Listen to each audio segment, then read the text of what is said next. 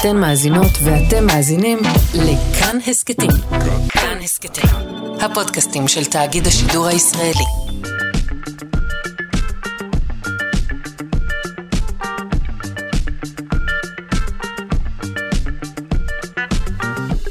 שלושה שיודעים.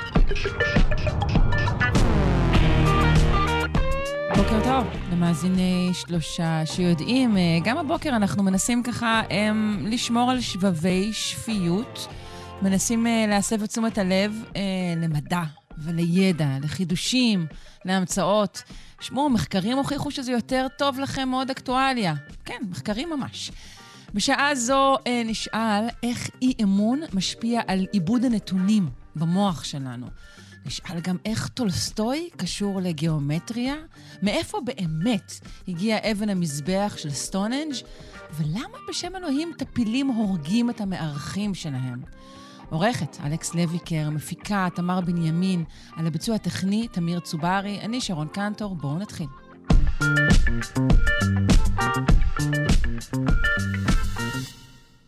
גם המלחמה הזו, כמו אירועים עולמיים גדולים אחרים שזכורים לנו אה, לטוב, אבל בעיקר לרע, היא מלחמה על הסברה וקרב על עובדות.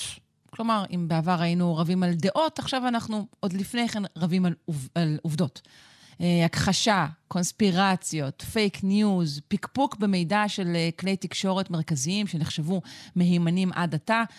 כל אלו כידוע הופכים נפוצים יותר ויותר, והם תוצאה של, אבל גם גורמים לחוסר אמון. אנחנו רוצים לשאול מה קורה למוח שלנו ולאופני החשיבה ותפיסת השפה שלנו במצבים של חוסר אמון. לשם כך נפנה לפרופסור רות מאיו, היא חוקרת במחלקה לפסיכולוגיה באוניברסיטה העברית. שלום. שלום, בוקר טוב. בוקר אור. אז uh, כפי שפתחתי ואמרתי, אנחנו מוצפים במידע uh, שגוי, ככל הנראה. כלומר, uh, כנראה אריות לא באמת uh, נמצאים כרגע בעזה, נכון? נכון, כן. יש הרבה מאוד אריות שמסתובבים בתמונות עכשיו.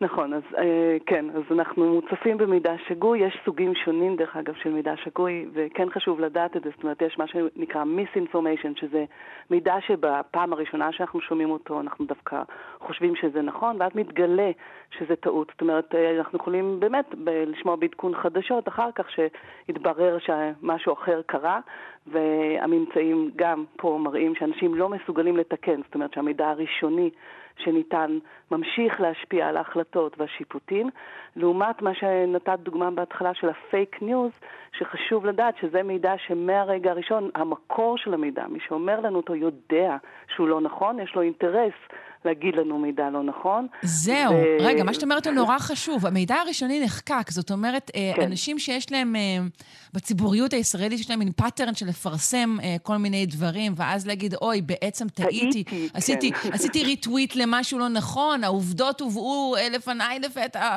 אז כן. מה ש... הנזק שהם עשו כבר נעשה, נכון. ויש סיכוי שהם יודעים את זה. נכון, אני חוששת שאת צודקת. אה, כן, אה, אה, שוב, גם כאן המחקר מראה שברגע שנחשף למידע אה, הוא משפיע, אנחנו מקודדים אותו עם כל המשמעות שלו וההשלכות שלו, ומאוד מאוד מאוד קשה לנו להיפטר מזה, מאוד מאוד קשה לנו לתקן. הצבע שהוא זרק לנו במוח ימשיך להשפיע, ולכן לא עוזר שאחר כך להגיד טעיתי. אה, ולא עוזר לתקן. כמובן, תכף אני אתן איזשהם גבולות לתופעה.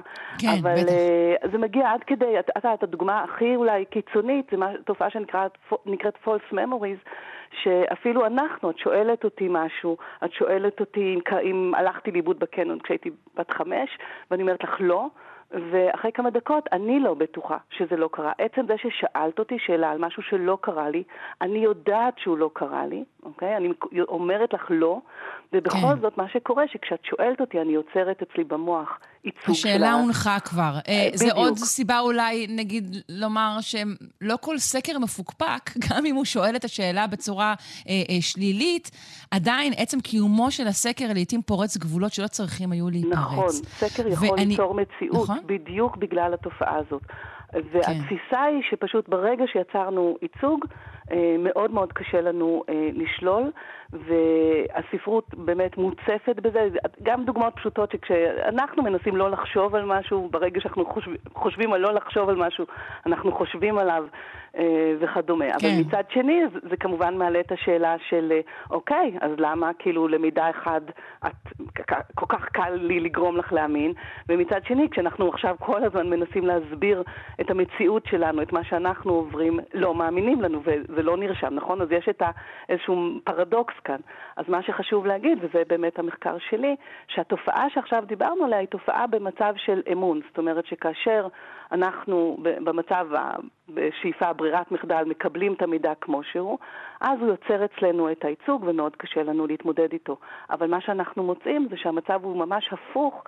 במצב של אי אמון. זאת אומרת שבמצב של אי אמון, כשאני לא מאמינה לך, את באה ואומרת לי משהו, אני לרגע לא חושבת בהתאם למה שאת אומרת, אלא אני ישר יוצרת ייצוג אלטרנטיבי. ואני אז זהו, אני לא מבינה, אבל למה זו לא טאוטולוגיה, מה שאת אומרת? כי, שוב, לאוזניים רגילות זה נשמע, אם זה בן אדם שאת מאמינה לו, אז תאמיני לו. אם זה בן נכון. אדם שאת לא מאמינה לו, לא תאמיני לו. אבל את אומרת משהו אחר. את אומרת שברגע ששוב נוצרה איזו הטבעה של רצון באיזושהי אמת כלשהי, אם אני יודעת שהיא לא נכונה, אני אצטרך לשים שם איזשהו, אה, איזושהי תיאוריה חלופית? נכון, אני צריך ייצוג חלופי. אני צריכה אמ, ייצוג, אני מדברת על, כאילו, יש לנו סכמות בראש, ייצוגים, איך שאנחנו חושבים. אני, את שואלת אותי, אה, פגשת היום את ענת, אז אם אני אקרא את ענת, עולה לי מיד התמונה שלה, הייצוג שלה. אנחנו צריכים ייצוגים. אם אין ייצוג אלטרנטיבי, אז מה שאת אמרת עכשיו הוא מאוד חשוב, כי אני לא יכולה אז שלא להאמין לך, אני לא יכולה שלא ללכת עם זה. זאת אומרת, אה, ואני באמת, את אפילו הזכרת בהתחלה שאני התחלתי את המחקר הזה ממש משפה. אז יש משהו מאוד מעניין, זאת אומרת, בשפה יש דברים שיש להם ייצוג אלטרנטיבי ויש דברים שאין להם. והמחקר הכי הכי בסיסי שעשינו היה שבסך הכל אמרנו לאנשים תכונות אופי של כל מיני אנשים ולשפוט אותם. אז אם אני אומרת לך שמישהו לא חכם, יש לך מיד ייצוג של מה זה להיות טיפש, אוקיי? את יודעת מה לצפות ממנו וכדומה. אבל אם אני אומרת לך על מישהו שהוא לא רומנטי, איזה ייצוגים עולים לך בראש? אז את בעצם חושבת על זה שהוא שוכח תאריכים חשובים, הוא לא מביא אף פעם פרחים, לא מכין ארוחות, הייתי עכשיו מאוד סטריאוטיפית, אבל בסדר. כל הדברים האלה שהם בעצם ייצוג של להיות אדם רומנטי, נכון? וזה בגלל כן. שאין לנו ייצוג למישהו שהוא לא רומנטי. ממש מבחינת השפה. אותו דבר, דרך אגב, אין לנו ייצוג ללא אחראי. אנחנו רק, יש כלומר, מה שעולה הוא תמיד את הצורה החיובית של משהו, נגיד הרומנטי, ואז אחר כך אני צריכה לשלול את זה? אין לנו במוח, שזאת שאלה מאוד יפה, אין לנו במוח ייצוג של שלילה. שלילה זה פעולה על מידע. אז אם אין לך את הייצוג האחר, את נתקעת עם הגרעין של עליו את עושה את הפעולה. ולכן אה, אין לנו ייצוג של לא משהו, אלא אם יש לנו דרך לקודד אותו בצורה חיובית, בדיוק. נכון. אוקיי. Okay. תני לנו עוד דוגמאות לאופן שבו uh, אתם חוקרים את הנושא הזה של uh, התמודדות במצבים של אי-אמון אצלכם. אוקיי, okay, אבל אני, אני כן חשוב לי מאוד להגיד, אוקיי, okay, uh, מה שאנחנו עושים זה אנחנו בודקים את זה על, באמת על כל ההטיות שקיימות לרוב במצב של אמון. אני אתן עוד דוגמה מאוד חשובה גם בימים אלה. יש לנו הטיה שמאוד קשורה ללקבל ולהאמין, שקוראים לה הטיית האישוש. שאנחנו בעצם כולנו, אה, יש לנו את העמדות שלנו ואת האמונות שלנו הראשוניות, ואנחנו אה, אה, בוחנים את העולם דרך העיניים האלה. זאת אומרת, אנחנו בעצם בוחרים לקרוא רק את מה שמתאים לעמדות הקיימות שלנו. אנחנו מפרשים מידע שסותר בצורה שתתאים לעמדות שלנו וכדומה. וזו בעיה מאוד קשה. שוב, גם אנחנו היום, אפשר לראות שאנחנו מגוללים בסושיאל מדיה, כל אחד בוחר את מה שמתאים לו לעמדה שלו, ולא נחשף בכלל למידע סותר כן, שיכול לאפשר לא רק בוחר, באמת האקו צ'יימבר נוצר, נכון, ואנחנו מוקפים באנשים. אנחנו בכלל לא נכנסים כן. לערוץ שלא משדר את מה שאנחנו מאמינים בו, שזאת אחת הבעיות כן. הכי קשות. במצב של אי אמון, אה, אנשים ישר חושבים על אלטרנטיבה, והדרך, שוב, הדווקא הנקייה שלנו לבחון את זה, יש אה, מטלה מאוד יפה שקוראים לה Wason אה, Rule Discovery Task, מטלת חיפוש הכלל. אני אומרת לך, הנה, יש פה סדרה, 2, 4, 6, המטלה שלך היא לגלות מה, מה הכלל של הסדרה הזאת, אוקיי? וכמעט כולם חושבים שזה פלוס 2, ואז אני אומרת, אוקיי, אני נותנת לך פה מקום לרשום עוד סדרות, לבדוק אם את צודקת, אני אסמן לך V אם זה באמת לפי הכלל, ו-X אם זה לא. ומה שאנשים עושים, וזה הקטע המעניין, שאם הם חשבו שהכלל הוא פלוס 2, הם רק כותבים סדרות שמתאימות לכלל שהם חשבו עליו. אז הם יכתבו 10, 12, 14. אם הם ירצו להיות נורא מקוריים, הם יעשו מינוס, 0, מינוס 2, 0, פלוס 2, והם יקבלו על הכל V, והם יחשבו שהם צודקים, אוקיי? הם לא יגלו שבעצם הכלל הוא כל סדרה עולה. אוקיי? כדי לגלות שטעית, אתה חייב לעשות מה שנקרא negative testing, לבדוק, להפריך את ההשערה שלך. וזה בעצם לכתוב 1, 2, 3 ולקבל V. אוקיי? ובמצב כן. של אי אימון, מה שמאוד יפה, שאנשים כן עושים יותר בדיקה של הפרחה, אפילו כלפי ההשערות של עצמם. פה אנחנו אפילו לא מדברים, את אמרת זה טריוויאלי, אבל זה אנחנו לא עושים על מקור מידע חיצוני, אלא כשאנחנו מטילים ספק במשהו, אפילו כלפי האמונות הבסיסיות שלנו, אנחנו נבדוק את עצמנו במצב של הפרחה. אבל מה שמאוד חשוב לי להדגיש זה שזה נשמע אידיאלי, אז הנה, אם נהיה במצב של אי אמון, נבדוק נכון יותר את המידע וכולי, אבל לא, מה שאנחנו מוצאים במחקר זה שכמו שבאמון יש הטיה ללכת עם כל מידע שתתני לי, אז באימון יש הטיה ישר לחשוב על אלטרנטיבה. כל דבר שאת תגידי לי, אני ישר אחשוב על משהו אחר. וכך ילדים נולדות קונספירציות. נכון, שוב, אלא אם יש לי סיבה אחרת, אבל תיאוריית קונספירציה שהן מצב יותר מורכב, כי אנחנו בעצם רוצים אה, לחשוב שמישהו אה, יצר איזושהי סיטואציה נוראית וכדומה, אבל כן, אנשים מאמינים לזה יותר, וזה אנחנו גם מוצאים, אנחנו מודדים, יש סקלות של מדידה של, אה, מה שאני מתארת על אמון ואי אמון, דרך אגב, יכול לקרות גם במצב נתון שכל אחד מאיתנו לפעמים יכול להיות במצב של אמון או אי אמון, וגם כתכונה כרונית. אנחנו יודעים שיש אנשים שבאופן כרוני גבוהים יותר באי אמון אה, ולהפך. ואנשים... רגע, כרוני זה גם אומר, זה גם אומר אולי שזה מולד? יש משהו גנטי? ששאלה נורא יפה, מחקר לא שלי, מאוד מאוד יפה, עשה את ההבחנה בין אמון ואימון, דבר ראשון זה לא הפכים, שזה גם שאלה מאוד מעניינת, אה, והטענה הבסיסית שלו היא שהוא מצא במחקר על תאומות זהות שאמון זה כנראה דבר גנטי, יש לו, uh, הגורמים הגנטיים משפיעים על כמה אנחנו מאמינים, ואי אמון זה דווקא תולדה של הסביבה הייחודית שאנחנו עוברים. אנחנו לומדים אם להאמין או לא להאמין לאנשים אחרים. והחוסר mm, אמון הזה שאנחנו חווים... מצחיק, זה מקבילה קצת של אה, מה שאמרת לגבי שיש לנו, שיש רק ייצוגים חיוביים וייצוגים שליליים צריכים נכון. לשלם, גם לגבי אמון זה נכון. נכון, זה מאוד, כן, זה מאוד מאוד נכון, וזה משפיע על הרבה יותר דברים ממה שאנחנו אה, חושבים עליהם, והרבה, אה, שוב, אה, גם תופעות פסיכולוגיות בסיסיות אחרות מושפעות מהאם אני כילד, ילדה חובה אי אמון ממי שמטפל בי ומהסביבה הקרובה, זה משפיע על כל צורת החשיבה שלי כלפי החיים, כן. וואו. כן. Uh, טוב, תשמעי, זה בומבה. Uh, את רואה, שוב, התחלנו במה שקורה כן. כרגע סביב, מה שקורה גם, אה, גם להסברה הישראלית, אבל גם לכל סוגי ההסברה וכל סוגי האינפורמציה. אה, ואת חוקרת את הנושא כבר כמה וכמה שנים. האם אנחנו יכולות לומר, או שסתם אה, נפריך כאן עמדה שגויה, שאכן אי האמון, או בוא נגיד המידע השגוי, שזה שני דברים שונים, לא, לא זהים, כן. הולכים ו- ונהיים דחופים יותר?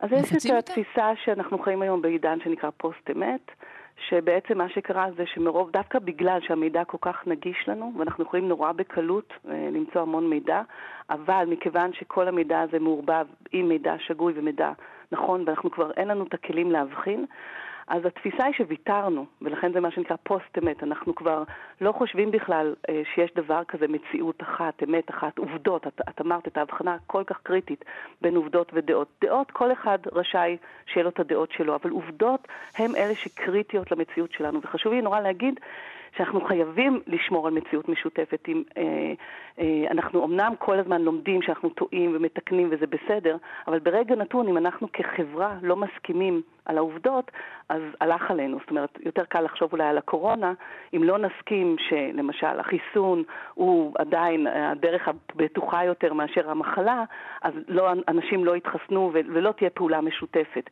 אם לא נסכים שיש סכנה מסוימת לנו בהקשר מסוים ונפעל בהתאם, them אז הלך עלינו. אז אנחנו חייבים להסכים על העובדות. ומה שקורה זה שהיום אנחנו חיים באמת בעידן שכל אחד עם, ה, במרכאות אני עושה עם הידיים, עם האמת שלו. זה, וזה מושג בלתי נתפס. גם כן חתיכת ביטוי האמת נכון, שלו. נכון, כן. אין דבר כזה, ואנחנו, כל אחד זכאי והכל תלוי פרספקטיבה. ודרך אגב, כל מה שאת אמרת על הסברה, זאת הבעיה שלנו עכשיו. אם לכל אחד יש את הפרספקטיבה שלו ואת הפרשנות שלו, אז כל אחד יכול לטעון לאמת שלו. ואחד הדברים הכי בסיסיים זה מה ש... על קוגניציה, על מחשבה, זה שמה שיש לנו זה קוגניציה מוטיבציונית. גם הקוגניציה שלנו מושפעת מהמוטיבציה שלנו. ולכן אנחנו רואים, נורא קשה לנו, אני חושבת, לראות שלמשל לא מאמינים למה שקרה בשביעי לאוקטובר, אוקיי?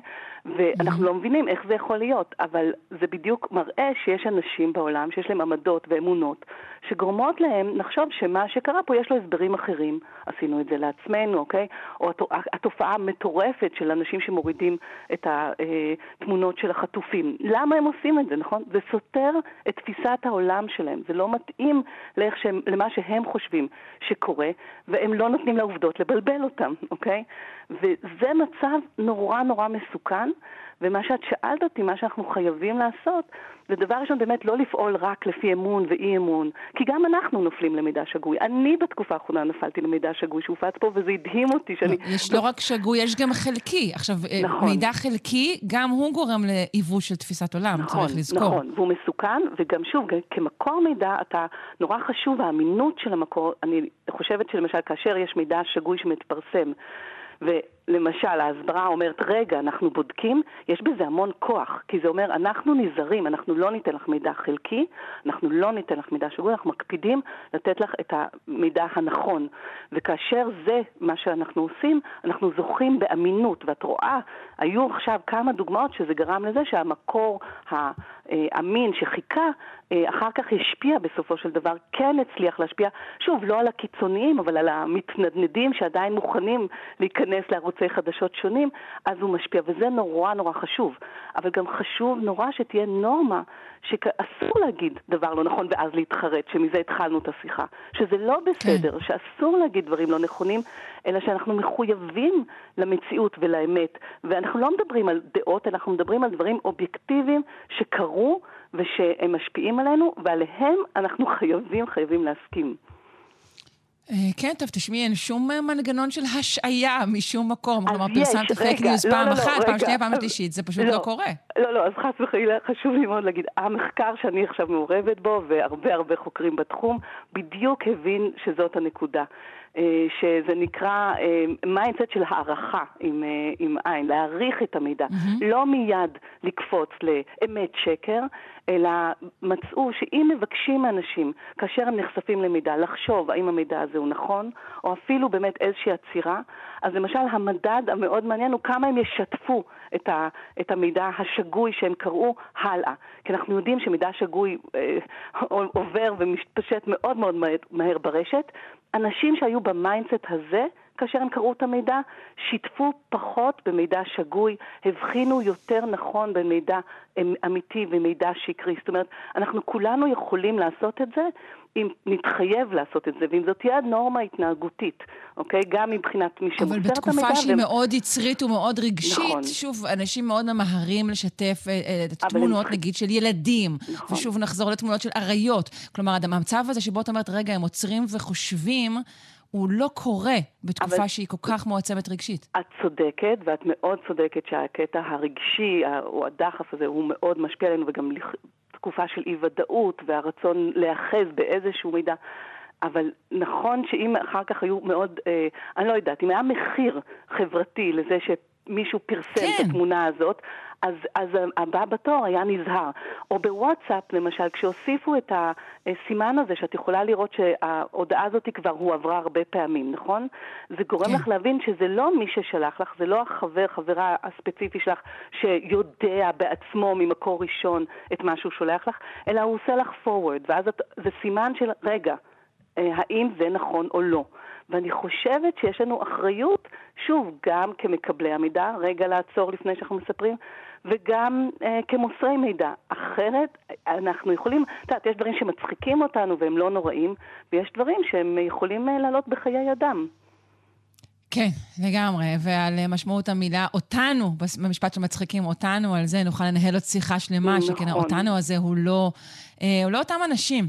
נכון. פרופסור רות מאיו, אה, מהמחלקה לפסיכולוגיה באוניברסיטה העברית, אה, אני מודה לך על השיחה הזו, זה היה ממש אה, על קצה המזלג מבחינתי. תודה. תודה לך, ימים טובים, אני מקווה בקרוב. טוב, כן. תודה. כן.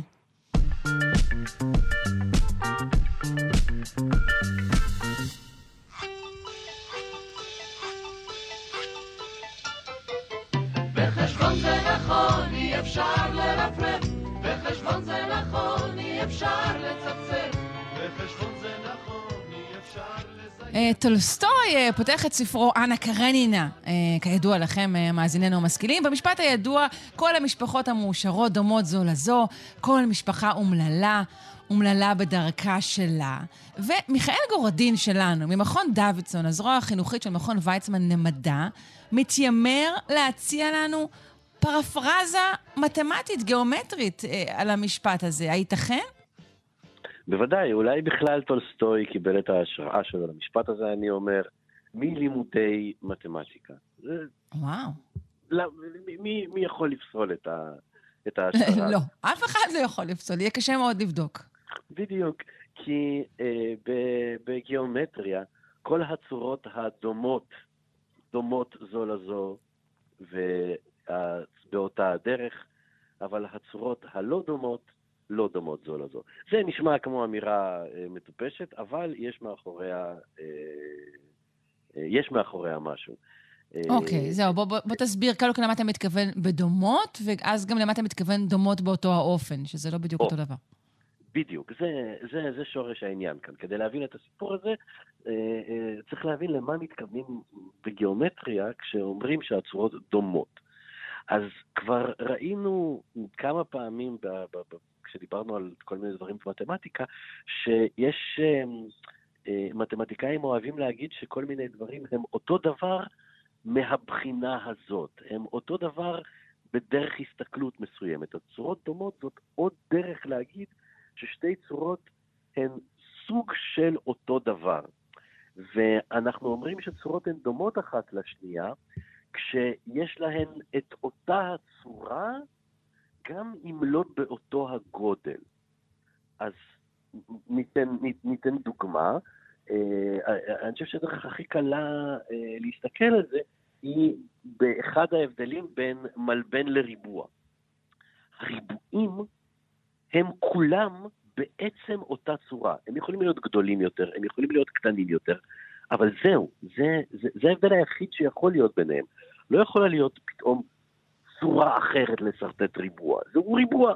הוא יכול להיות ריבוע גדול והוא יכול להיות ריבוע קטן. Mm, מלבן... תמיד ריבוע, אוקיי. כן, כן. כן. נכון. הם, הם כולם דומים אחד לשני, הם כולם אה, ריבוע באותה הדרך, כל הריבועים. כאילו אם אנחנו לא מתחשבים בגודל, אז הם זהים אחד לשני. כן, כן, יש ריבוע אחד. גודל, אוקיי. מה זה גודל, אני אומר? אולי את עומדת קרוב אליו. גודל סתם פרספקטיבה, כן, מי יודע איפה אני בכלל, מאיפה אני מסתכלת, או אם אני נמלה. אולי הכל זה אותו ריבוע, זה פשוט אנחנו פעם נכון. מסתכלים קרוב ופעם מסתכלים רחוק. מלבנים לא. יש מלבן צר יותר, יש מלבן, מלבן צר פחות, אפשר למתוח אותו אה, אה, אה, ולכווץ אותו, והם לא כולם אותו, אותו, אותו מלבן, רק, נכון. רק גדול, גדול יותר, נכון. קטן יותר. יש לו אפילו, יש לו שני מימדים, יש לו אורך ורוחב, אז אני יכול לשחק רק עם אחד מהם. אם אני משחק עם אחד מהם, כבר צורה אחרת של מלבן. אז ככה אנחנו יכולים אה, לשאול את עצמנו, אה, אז למשל במשולשים, יש כל מיני משולשים, נכון? לא כל המשולשים הם, הם דומים אחד לשני. כן, אבל שווה צלעות הוא כן אותו דבר כמו הריבוע? הוא תמיד אותו משולש? בדיוק, יפה מאוד, משולש שווה צלעות, יש לי רק דרך אחת לצייר אותו, ורק מקסימום אני אפשר, הוא יכול להיות משולש שווה צלעות גדול, ומשולש שווה צלעות קטן. אה, אותו דבר עם אה, עיגול ואליפסה, כל העיגולים דומים זה לזה. זה עיגול, אין, אין, אין לנו מה, מה לעשות שם. אפשר להחליט לצייר עיגול גדול, אפשר לצייר, להחליט לצייר עיגול קטן, זהו. זה, כולם יהיו אותו עיגול. אליפסות הן, הן באות בכל מיני גדלים, אה, צורות, זאת אומרת, לא רק גדלים, הן באות בכל מיני צורות. הן יכולות כן. להיות צרות, הן יכולות להיות רחבות, הן לא דומות. כל העיגולים דומים זה לזה, אבל כל האליפסה היא אליפסה כל אחת בדרכה, כמו שלימד אותנו טולסטוי. ואז יש אה, אה, רגע קצת אה, אולי מפתיע, אה, לגבי צורה שאנחנו אה, זוכרים חלקנו אה, מלימודי המתמטיקה בתיכון. צורה מתמטית מאוד מאוד חשובה שנקראת פרבולה. כן. זה, למי שלא מכיר, זה אם, אם לוקחים למשל כדורסל וזורקים אותו לסל, הוא יוצר מין קשת כזאת, שהיא לא בדיוק חצי עיגול, היא קצת נפוחה כזאת, יש לה צורה קצת אחרת. כוס יין כזאת, הייתי אומרת, נכון? בלי הרגל. כן, רק כש... וממשיכים את, ה... את הזרועות שלה עד אינסוף. זה פרבולה, כל פרבולה היא אינסופית, יש לה שני, שתי זרועות שנמתחות עד אינסוף, והן נפגשות ככה ב... לא בשפיץ, אלא בבסיס מעוגל. והרושם הראשוני שמתקבל אה, הוא שלא כל הפרבולות דומות זו לזו. כי... נכון, אפשר, אפשר לפתוח אותם ולהצר אותם, לא? נכון, זה מה ש... זה, ככה, ככה, זה, זה הראש, בדיוק מה שאת אומרת, יש לנו שתי זרועות. כן. זה מה שאפשר אפשר לדמיין, איך הפרבולה היא צרה יותר כשאני מקרב את הזרועות שלה אחת לשנייה, והיא רחוקה יותר כשאני מרחיק את הזרועות אחת לשנייה. אה, ומסתבר שלא. מסתבר שכל הפרבולות, אין בעצם פרבולות, יש פרבולה אחת. הן כולן אותו דבר. הן כמו עיגולים. כל הפרבולות זה אותה הפרבולה, רק השאלה... כי היחס הוא, הוא נשאר זהה, למה, למה זה ככה? אז, אז ממש לענות על השאלה למה זה ככה, זה, זה יכול להיות קצת מסמך, אבל אני אתן תרגיל מחשבתי שאולי לא ישכנע סופית אה, במה שאני אומר, בשביל, זה צריך לעשות קצת אלגברה, שלא נעשה כאן, אבל אה, שיערער את האמונה המוחלטת שהן שונות. אז אה, אה, תדמייני את, גם, גם המאזינים, תדמייני בבקשה אה, אה, פרבולה, נכון? ואת כן. אומרת, אני יכולה לפתוח את הצדדים שלה והיא תהיה רחבה יותר, נכון? כן. אבל עכשיו תדמייני שאת עושה זום אין לכיוון הכאילו שפיץ. כן. האם מה שקורה זה לא שפתאום הפרבולה מתרחבת? הרי באזור של השפיץ היא, היא הזרועות שלה נראות רחבות יותר, נכון? נכון. אם את עושה זום אאוט, מתרחקת, מתרחקת, מתרחקת, מתרחקת ממנה, אז זה נראה כאילו שהזרועות שלה הולכות ונפגשות. אז זה מה וואי, לא, שקורה. לא, לא, לא בזאת שאני דמיינתי, אבל בטח עשיתי משהו לא נכון. אבל לפחות כשעושים זום אין זה יותר ברור. כשעושים זום אין לכיוון השפיץ, ממש כן. אפשר לדמיין איך הזרועות של הפרבולה הולכות ומתרחקות אחת מהשנייה. אז זה מה שקורה. מסתבר שאין דרך, בגלל הדרך המאוד מאוד מסוימת שפרבולה בנויה, היא הרי x בריבוע, היא קשורה לחזקת 2, בגלל הדרך המאוד מסוימת שבה בונים את הפרבולה, כשנדמה לנו שאנחנו עושים פרבולה רחבה יותר, למעשה מה שקורה זה שזאת אותה פרבולה, רק כשמסתכלים עליה יותר מקרוב. וכשנדמה לנו שאנחנו עושים פרבולה אחרת לחלוטין, צרה יותר, זאת עדיין אותה פרבולה אחת, רק כשמסתכלים עליה יותר מרחוק. אין, פרבולות... כל הפרבולות מול. דומות זו לזו, וואו. ו- כן, כל הפרבולות דומות זו לזו. אה, כולן, הן כולן בעצם אותה צורה אחת ויחידה, רק כשמסתכלים עליה אה, ממרחקים שונים. טוב, אה, השיחה הראשונה הוקדשה פה למצבים של אמון ואי-אמון, אה, ומכיוון שאתה אוטוריטה בתחום, אני פשוט אצטרך כרגע להאמין לך, ואני אמשיך לדמיין פרבולות כל היום, עד שאני אתפוס את זה ממש ממש טוב. מיכאל גורודין, ממכון דוידסון, הזרוע החינוכית של מכון ויצמן למדע. אני מודה לך, יום טוב. יום טוב.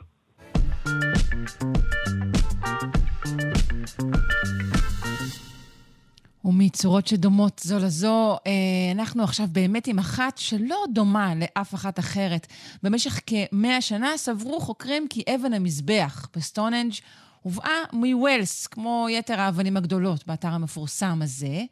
אבל ניתוח חדש מערער על ההנחה הזו, ומצביע על כך שהיא כנראה הגיעה ממקום אחר לגמרי, וגם מרוחק יותר.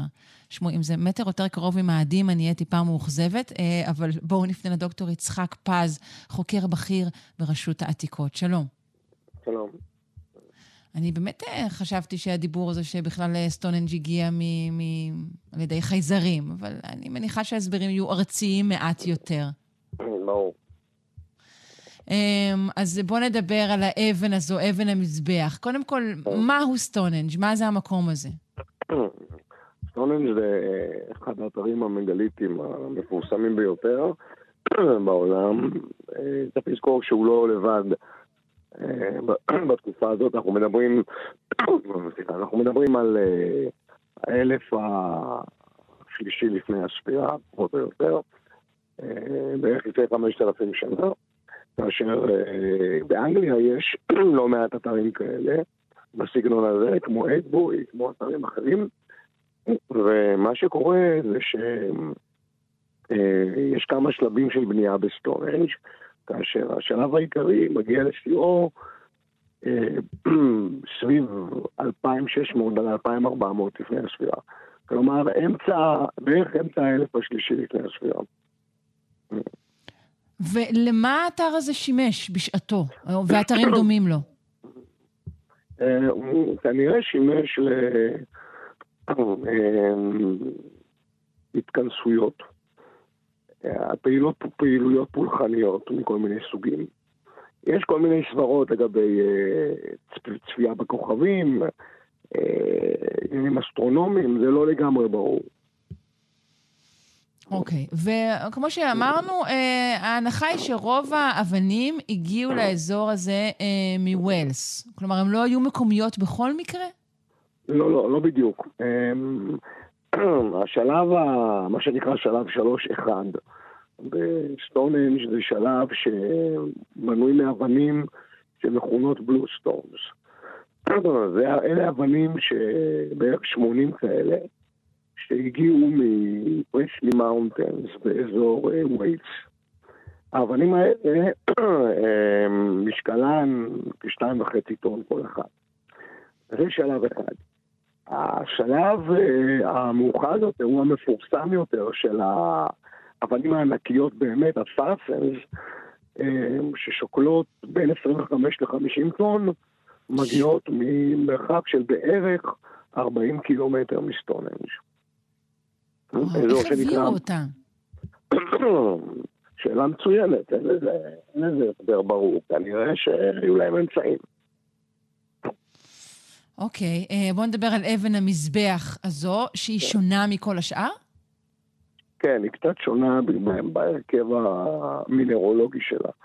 במשך שנים חשבו שהיא שייכת לשלב של ה bluestones. כלומר, לשלב של שלוש אחד, מה שנקרא.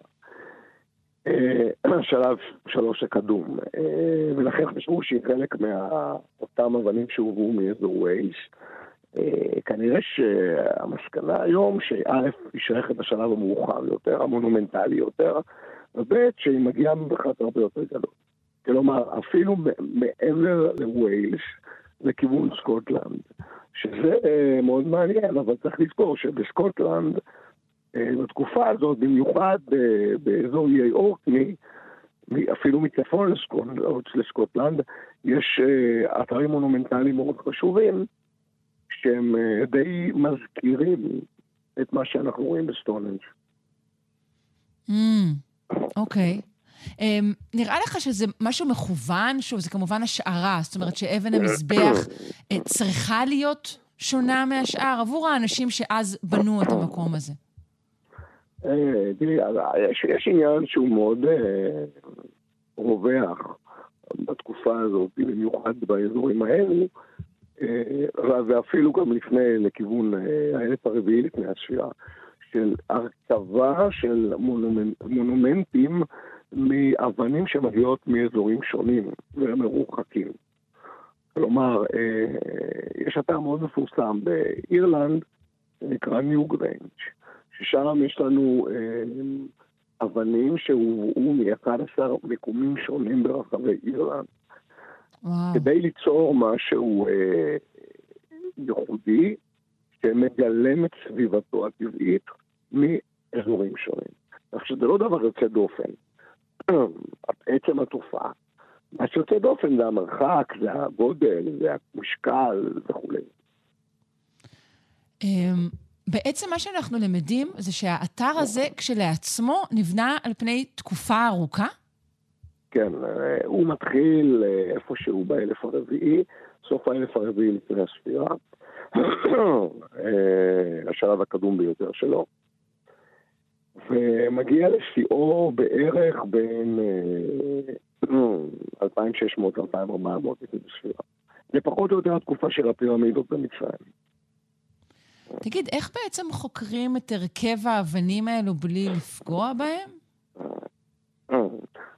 זה לא בעיה, פשוט לוקחים דגימה ובודקים את המינרולוגיה שלהם. אבל אנחנו לא צריכים, לא צריכים לקדוח בהם בליבן? מספיק לגרד אותם קצת? לא, לא, אפשר לקחת, אפשר לקחת אה, ממש דגימה מאוד מאוד קטנה. לפעמים גם במיקרוסקופ אפשר אה, לראות את ההרכב. זאת אומרת, לראות למה זה דומה.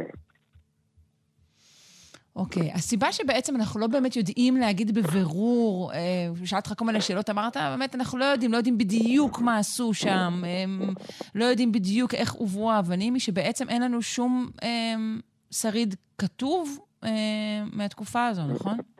נכון. מה שיש לנו זה במרחק לא רב מסטונהנג' את האתר, שכנראה מזוהה עם אלה שבנו את סטונהנג', האתר של דורינגטון וולס. שנחפר במשך שנים על ידי אה, מייק פארקר פירסון מאוניברסיטת שפילד. אה, ושם, לטענתו, יושבים האנשים שבעצם בנו את האתר. אה, זה אתר עונתי, זה לא אתר שמיושב כל עונות השנה. ושם זה היה באמת אתר היישוב שלהם, מעין כפר כזה של אנשים שבאו איזשהו שלב בשנה, ועזרו לבנות את זה. היו שם הרבה מאוד עדויות לסעודות מיוחדות עם הרבה מאוד בשר וכדומה. זה קצת מזכיר את אה, האתר שצמוד לפירמידה הגדולה בגיזה, הפירמידה של חופו, שגם משם נתגלה כפר ענק של אנשים שכנראה בנו את הפירמידה. יפה, אה, מעניין מאוד. אני עוד לא זכיתי לבקר בסטונהנג', אבל אה, עכשיו עשית לי אפילו יותר חשק. אז אני מודה לך מאוד, דוקטור יצחק פז, חוקר בכיר ברשות העתיקות. יום טוב. אה, תודה רבה.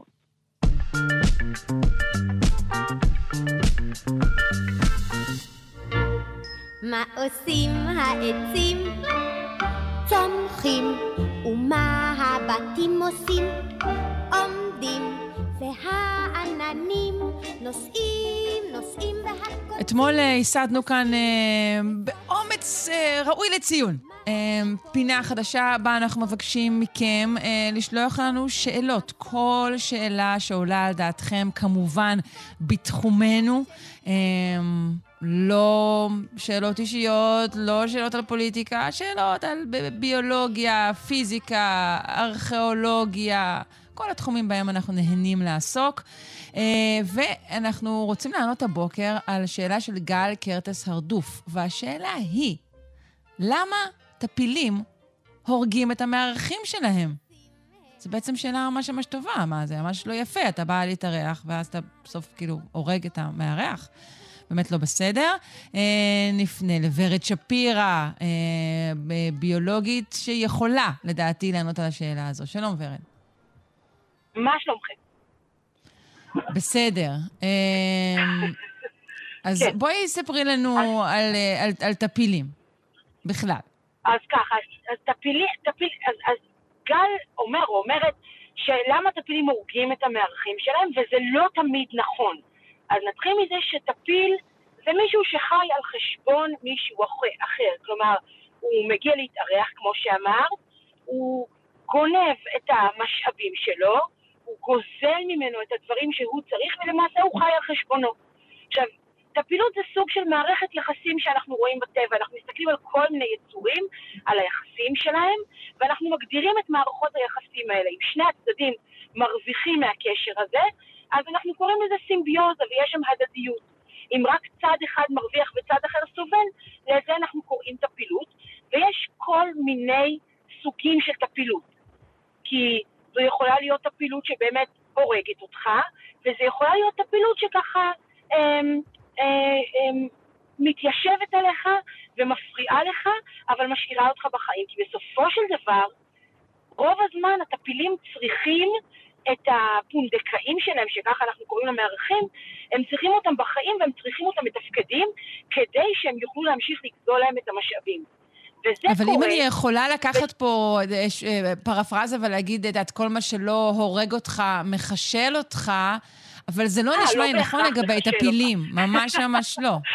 לא, אולי דווקא לא, זה שהם לא רוצים להשאיר נורא את הפונדקאי שלהם בחיים, אולי זה מחזק אותו באיזשהו אופן, אני יודעת. הטבע אז- כבר אז- הפתיע אותי אז בכל מיני מקומות. אז הפ- הפרפרזה הזאת יפה כי, כי היא מדברת על המערכת יחסים האבולוציונית של הטפיל והפונדקאי, ששם אנחנו תמיד מדברים על איזשהו מרוץ חימוש.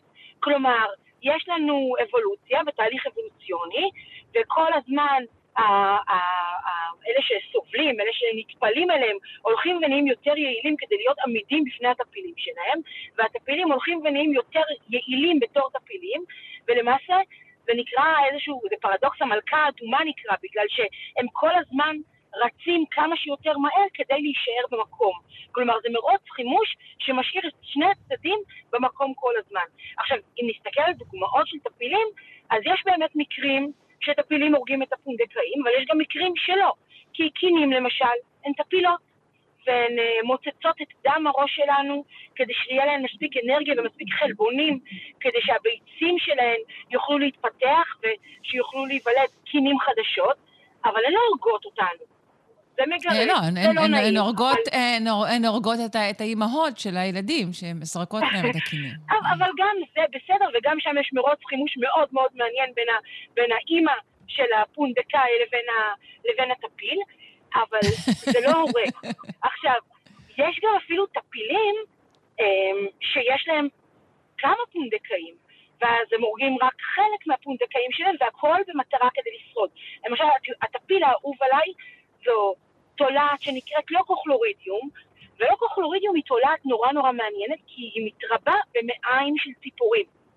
עכשיו, להתרבות במעיים של ציפורים, כלומר היא מטילה את הביצים שלה במעיים של ציפור, זה אומר שהביצים יוצאות יחד עם הלשלשת ומגיעות אל הקרקע ונוחתות להן על עשב טרי וירוק, אבל זה צריך להגיע חזרה אל תוך מעיים של ציפור.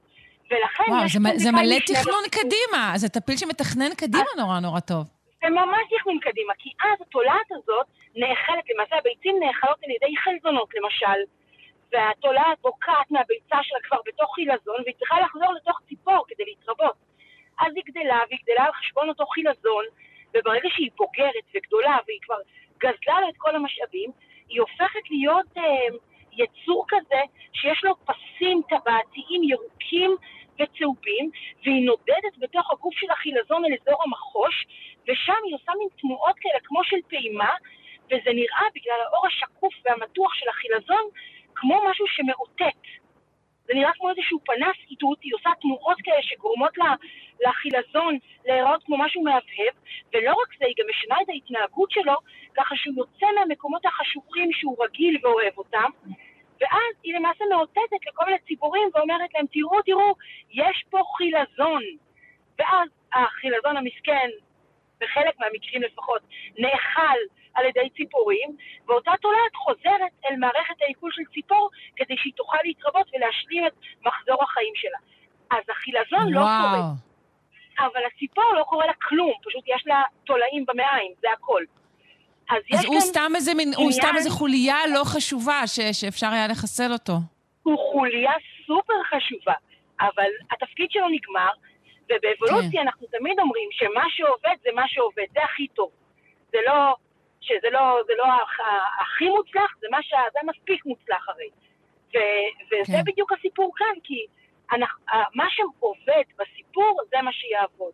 ויש טפילים שהורגים את הפונדקאים שלהם, ויש אפילו טפילים שאפשר להגיד עוזרים לפונדקאים שלהם, כמו סרטן קטן, שמתרבה בזימים של דגים, וכשהוא מתרבה בזימים של הדגים הוא בכלל מתחיל בתור זכר, במשך הזמן חלק מהזכרים הופכים לנקבות, הם מתרבים, הנקבה כשהיא פוריה והיא, והיא מעוברת, היא עוברת אל הפה של, ה, של אותו דג, היא הופכת להיות חלק מהלשון שלו, כי בעצם נוגסת לו בלשון ונצמדת, אבל דג בלי לשון לא יכול להיות דג חזק ולא יכול להמשיך לכלכל אותה, ולכן היא משמשת בתור לשון חלופית של הדג הזה, והיא עוזרת לו לאכול עד שהיא תסיים את תהליך ההתרבות שלה, ואז היא מניחה לו, ושם הסיפור הזה נגמר. אבל בתקופה שהיא צריכה אותו, היא אפילו עוזרת לו. וואו, ורד, הפילים מבעד לתיאור שלך נשמעים כמו יצורים כה מחוכמים. אה, אני רוצה לעשות רגע... אבל הם כה מחוכמים. כן, אה? סליחה. אני רוצה לעשות רגע, כן. רגע זום אאוט, אה, נגיד, לכל הדבר הזה, ולהגיד, האם העולם שלנו בכלל יכול להתקיים ללא טפילים, או שהם אה, חלק חשוב אה, בשרשרת? אז הם חלק סופר חשוב בשרשרת, וכרגיל, אנחנו לא מדברים על בעלי החיים החשובים ביותר, או המוצלחים ביותר, או הנהדרים ביותר, כי בסופו של דבר יש איזשהו מארג. ופעם קראנו לזה שרשרת המזון, אבל היום זה נקרא אלה מארגי חיים. ומארגי החיים האלה הם בעצם כל, כל, כל חלק במארג הזה הוא חשוב. כי תחשבי אפילו אם אנחנו פתאום נלך ונוציא את הכי מעצבנים, את הטפילים הכי מרגיזים והכי אה, אה, מעצבנים שהם יתושים. ברגע שאת תוציאי את היצור הזה, את לא יודעת מה יקרה. כי יתוש אולי נחשב לנורא נורא מרגיז ונורא נורא מעצבן, ואנחנו רואים אותו בתור משהו קטן כזה וחסר חשיבות, אבל הם הורגים המון המון יצורים אחרים, והם למעשה מאזנים את הכמויות והמספרים של יצורים אחרים בטבע. ואם אנחנו פתאום נוציא את הטפילים, לא יהיו לנו את אותם, אותה מערכת אה, אה, איזונים ובלמים של הטבע שמאפשרת את המארג הזה ומאפשרת לו להיות יציב. אז אנחנו לא באמת יכולים להגיד שהם לא חשובים. אוקיי, הם מעצבנים, אוקיי, הם נטפלים, אבל הם חשובים ליציבות של כל מארג המזון. אוקיי, וזה באמת, את אומרת, נכון על כל יצור חי, אה, כולל טפילים. נכון. אה, אבל כן אנחנו מדברים, אז אני ככה, להשליך את מה שאמרת, אני יכולה על מקומות קטנים יותר, אנחנו כן הרי עושים הדברות למיניהם. כלומר, התפיסה שהצגתי נכונה רק כתפיסה כוללת? אז ברור שכתפיסה כוללת, תראי, גם כשאנחנו עושים הדברות וכשאנחנו עושים שינויים, אז אנחנו עושים את זה הרי כדי לשנות בסופו של דבר את המאזן. כי אם אני עכשיו מדביר אה, אה, יתוש, כי אני לא רוצה שהמון בני אדם יחטפו מלאריה, אז בסופו של דבר עשיתי איזשהו שינוי במאזן כאן. עשיתי שינוי לרעת היתוש ולטובת בני אדם. אז זה נכון כשאנחנו עושים את זה בצורה שאנחנו, בוא נגיד בעדינות, שאנחנו חושבים שהיא מבוקרת. אבל רוב הזמן, כשאנחנו עושים דברים בצורה מאוד מאוד גורפת, אנחנו לא יודעים שזה אכן מבוקר, אנחנו עושים, ואנחנו הרבה מאוד פעמים אה, מקווים שזה היה רעיון טוב. אמ, כן. ולפחות שהשינוי יהיה מספיק קטן, שהוא לא ישנה את כל המארג. אבל בני אדם בהחלט עשו במהלך ההיסטוריה שלהם הרבה מאוד שינויים, ששינו את, את המארגים האלה, מארגי החיים, ולפעמים זה גם מתפוצץ לנו בפרצוף, כי אם למשל אנחנו עכשיו אה, מחליטים שאנחנו מדבירים משהו, אנחנו לא יודעים מה יקרה לשאר היצורים החיים. כן. אה, אם נחזור לשאלה בדקה שנותרה לנו, אז כן יש מקרים שהם כן. הורגים את המערכים שלהם, אבל הם לא נכון. רבים כי הם צריכים אותם? זה לא שהם לא רבים, זה עניין של, לא, לא, לא ספרתי כמה כן הורגים וכמה לא הורגים, הרבה מאוד פעמים לא שווה לפ, לטפיל להרוג את הפונדקאי שלו, כי הוא צריך אותו. הוא צריך אותו מתפקד. יש אפילו הגדרה נורא נורא יפה למה זה טפיל, אה, הגדרה ביולוגית, שאומרת שטפיל זה מישהו, זה טורף, שטורף פחות מיצור אחד. כלומר, mm. זה לא mm. טורף עכשיו שהולך, וזה לא יש טורף כן. זברות, זה יצור עכשיו שהוא חי על חשבון מישהו אחד, והוא יטרוף אותו. וזה כן. מה שהוא ניזון ממנו, וזה מה שהוא אוכל כל החיים שלו. אז לפעמים הוא צריך אותו עד גבול מסוים ואז הוא ייפטר ממנו, ולפעמים הוא צריך אותו למשך חייו.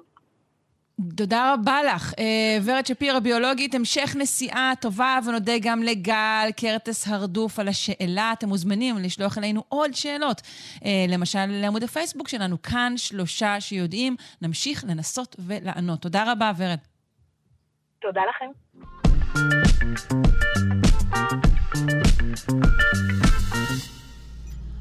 אנחנו עם אה, חדשות טובות. לא רעות בכלל. חוקרים הצליחו לפתח חיסון נגד מחלות אוטואימוניות. כרגע הוא נמצא יעיל בניסויים על עכברים ועל קופים, אבל אנחנו יודעים שהנה, כך יוצאים לדרך.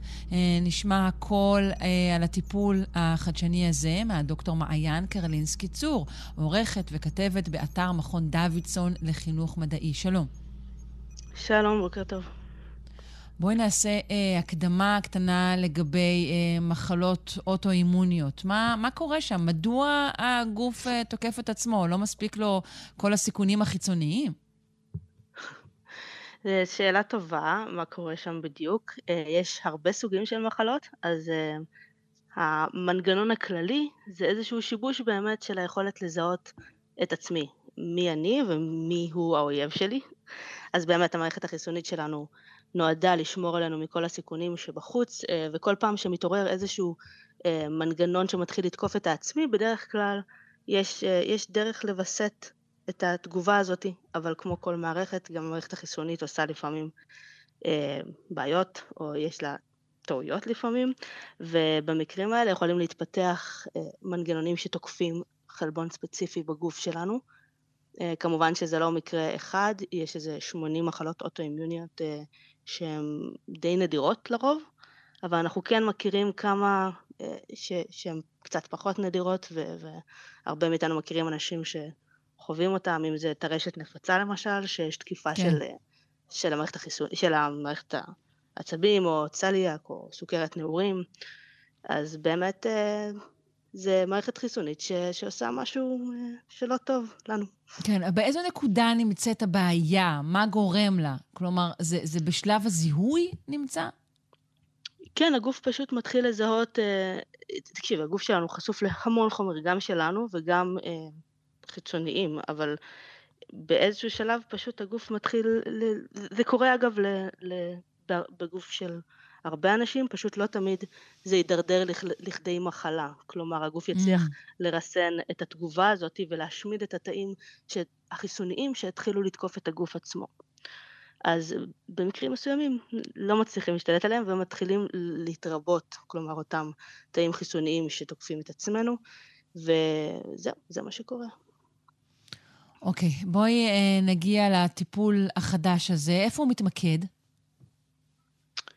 אוקיי, אז הטיפול החדש הוא, הוא מעניין מאוד בפני עצמו, כי בדרך כלל כשאנחנו מדברים על חיסון, את אמרת בפתיח אה, שמדובר בחיסון נגד אותן מחלות שתוקפות את העצמי, כשלמעשה חיסון בדרך כלל מיועד אה, לגרום לגוף כן לעורר תגובה חיסונית כלפי משהו חיצוני. אה, אז אותם חוקרים מאוניברסיטת שיקגו מזהים שהם יכולים אולי לגרום למערכת החיסונית לשכוח את התגובה החיסונית שלה כלפי כלפי הגורמים של העצמי, באמצעות כך שהם מסתכלים על מנגנון חיסוני מיוחד וטולרנטי במיוחד, כלומר יש עם סבילות אה, משמעותית בכבד. אוקיי, אז אנחנו מדברים פה על איזושהי מערכת חיסונית אה, מיוחדת שיש לה כבד, שהיא בגלל המפגש שלה עם, עם, עם הרבה גורמים, אגב הכבד אחראי על המון המון המון פעילויות בגוף, אבל בין היתר יש לו מפגש די צמוד עם uh, מערכת העיכול. ו- ואם נחשוב רגע על מערכת העיכול, אנחנו מדברים על מערכת שכל הזמן נפגשת עם uh, גורמים חיצוניים שאנחנו לא רוצים לתקוף. כלומר, אם אכלתי ביצה היום, אני לא רוצה שהמערכת החיסונית שלי תזהה אותה כ- כמסוכנת פעם הבאה שאני אוכל ביצה. ולכן יש, uh, יש אזורים בגוף בהם המערכת החיסונית היא יותר סובלנית כלפי גורמים זרים. אז החוקרים חושבים, האם אנחנו יכולים לחכות איזשהו תהליך בגוף שבו תאים מתים מובלים לכבד, וכדי שהכבד לא יהיה כל הזמן דלקתי בגלל שהוא נתקל ברעלנים ובגורמים ממערכת העיכול, הכבד אה, הוא בדרך כלל מאוד סובלני ואומר לגוף אנחנו לא רוצים לתקוף את התאים המתים האלה למרות שהם אה, לא נראים כמו עצמם אה, ובעצם הוא מפתח איזושהי סבילות כלפי הרבה מהחומרים שמגיעים אליו Mm-hmm. אז החוקרים מסתכלים על המערכת הזאת ואומרים, אוקיי, איך נגרום לאותם חלבונים שהגוף תוקף במחלות אוטואימיוניות להגיע לכבד, והם משתמשים באיזשהו אה, מערכת תיוג שכזאת ש, שמתקיימת בתאים מתים, שכשהם מתחילים למות הם משחררים על על גבי הממברנה שעוטפת אותם, שרשרת של סוכרים, הם הופכים ל... מייצרים איזשהו חלבון מסוכרר, והחלבון הזה גורם להם להגיע לכבד. כשהם מגיעים לכבד הוא יכול לעשות את התהליך הזה שדיברנו עליו, של להפוך את התגובה החיסונית לפחות חזקה. כן.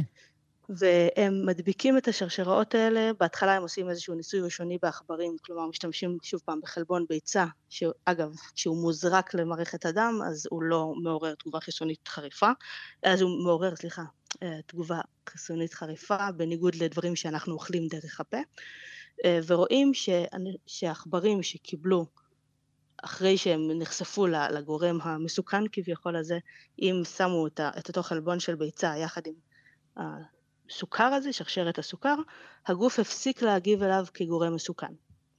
אז זה כבר מסמן לנו שמה שהולך לבוא זה אה, איזשהו טיפול שהוא יכול להיות יחסית כללי, כלומר אפשר לעשות את זה מול חלבון של ביצה, אפשר לעשות את זה עם חומרים אחרים שהגוף תוקף במח... במגוון מחלות אוטואימיוניות. אז בהתחלה הם באמת משתמשים בחלבון ביצה, רואים את, ה... את, ה... את הפוטנציאל של הטיפול, ואז הם לוקחים עכברים שיש שהם מעין מודל של טרשת נפוצה, באופן ספציפי שני סוגים, שני מודלים שונים שמייצרים את המחלה בעכברים. טרשת אה, נפוצה לתת סקירה קצרה? או... אה, לא, לא חושבת, אנחנו... לא. אה, לא. מכירים? אוקיי, בסדר. לצערנו הגדול אנחנו מכירים, כן. כן. אז באמת הגוף תוקף את המיילין, השכבה המבודדת של התא המערכת העצבים, והם מתייגים את המיילין הזה בשרשרת סוכרים, אמ, ומזריקים את זה לגוף של העכברים האלה אחרי שכבר יש להם את המחלה, לא לפני. אמ, והם רואים שהתגובה החיסונית הולכת ופוחתת, וגם התסמינים של אותם עכברים משתפרים, גם במודל הראשון וגם במודל השני. זאת אומרת, תקני אותי אם אני טועה, לא מדובר במשהו עקרוני, נגד כל המערכת אה, שטועה בזיהוי, אלא על דברים ספציפיים, ורק אחרי שבעצם כבר לקינו אה, במחלה? כן, זה שתי הנקודות כלומר, זה טיפול ולא חיסון, אבל, אבל, אבל הוא משתמש באלמנטים אה, שמוכרים לנו מחיסון, אפשר להגיד.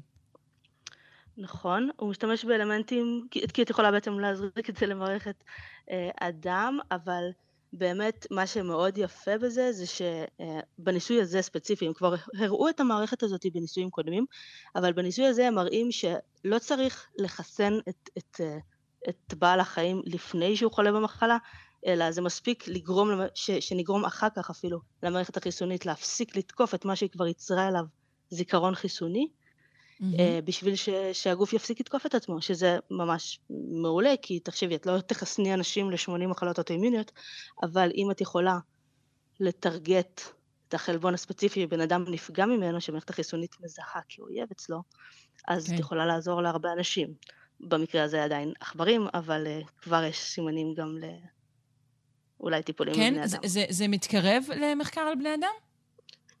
זה כבר קורה, אז באמת במחקר הזה ספציפית הם גם בחנו אחר כך קופים, הראו את, ה, את הפוטנציאל של המערכת הזאת גם שם, אמנם לא במחלה אוטואימיונית, אבל באופן כללי אה, הם הצליחו ל, לגרום לסבילות חיסונית כלפי, כלפי איזשהו גורם ש, שכבר היה מעורר. אה, אבל כרגע אחד החוקרים שהוביל את המחקר, ג'פרי האבל, הוא אה, עזר לייסד, הוא חלק מהמייסדים של חברת הנוקיון, והם כבר מדווחים על שני אה, ניסויים קליניים בשלב ראשון, אחד אה, בשלב מתקדם יותר של חולי צליאק, שאצלם המערכת החיסונית תוקפת את המעי הדק. אה, הם כבר מדברים על, על ממצאים ראשוניים, רק שבין כל הנושא של הבטיחות, על מעט משתתפים, אבל ממצאים חיוביים כרגע. כלומר שלא התפתחו איזה שהן תופעות לוואי חמורות, ולא רק זה, גם ב-2001 הם כבר פרסמו שהם מתחילים את הניסוי בטרשת נפוצה, חיסון לטרשת נפוצה ב-40 משתתפים, אה, וגם הוא נמצא בשלב הבטיחות, כלומר יש עוד כמה שנים עד שזה יתקדם, במידה וזה יהיה מוצלח בשלב הראשוני, אבל אה, בעיניי זה עם פוטנציאל גדול אה, לתת כן, מענה ללא רק מחלה אחת, אלא, כן, זה מדהים, להרבה כן, מחלות. זה באמת מדהים. אה, רק דבר אחד, אני, אני שוב רוצה להבין. זה מדויק מאוד. למה אני שואלת? כי, כי כשאנחנו חולים במחלה, אה, אוטומונית או אחרת, יש בעצם היחלשות כללית גם של הגוף. ואם אנחנו אה, בעצם אה, מחלישים, אפשר להגיד, את, ה, את, ה, את המערכת החיסונית, אז, אז השאלה היא מה קורה כשבאים אלינו מאיימים אחרים. כלומר, עד כמה הדבר הזה הוא ספציפי, הסבילות החיסונית הזאת. ספציפי. זהו, זה, זה הדבר השני באמת מאוד יפה. בטכניקה הזאת אנחנו, בניגוד למחלות יותר, בניגוד לטיפולים בהרבה מקרים אחרים, למשל השתלות של איברים שונים, שאת צריכה פשוט לדכא את כלל מערכת החיסון כדי שהגוף לא יתקוף את עצמו. אז פה אנחנו מדברים על לקחת את החלבון, למשל חלבון אחד שה... שהגוף תוקף אה, בטרשת נפוצה, את המיילין, ואותו לתייג. את לא מבטלת את המערכת החיסונית, את אומרת לגוף ספציפית, הנה החלבון זה. שהוא לא תוקפני, okay. אוקיי. זה, החלבון הזה, תפסיק לתקוף אותו, אה, הכבד, אה, בעצם התהליכים שקורים בכבד מאפשרים זאת, ואת יכולה להתאים את זה תיאורטית לחלבונים ספציפיים. שאת מעוניינת בהם. שיו. טוב. אה, חדשות טובות, בסך הכל. כן, נשמע טוב. תודה רבה לך, דוקטור מעיין קרלינסקי, צור, עורכת וכתבת באתר מכון דוידסון לחינוך מדעי. תודה, יום טוב. תודה, שרון, יום טוב.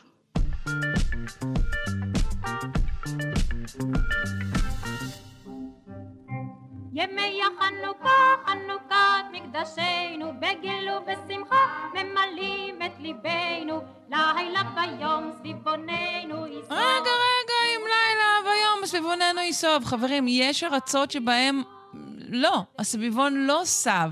למה בעצם? ולמה לא חגגו את חג החנוכה באתיופיה? ובאיזו קהילה השתמשו להדלקת הנרות בשמן צמח האופיום? אנחנו רוצים לשוחח כרגע על מנהגי חנוכה שלא הכרתם בקהילות ישראל אה, השונות. זו שיחה אה, שאפשר להגיד שכבר כשלעצמה הפכה למסורת אצלנו. נפנה, כרגיל, לדוקטור אסתר שקלים, משוררת וחוקרת קהילות ישראל. שלום.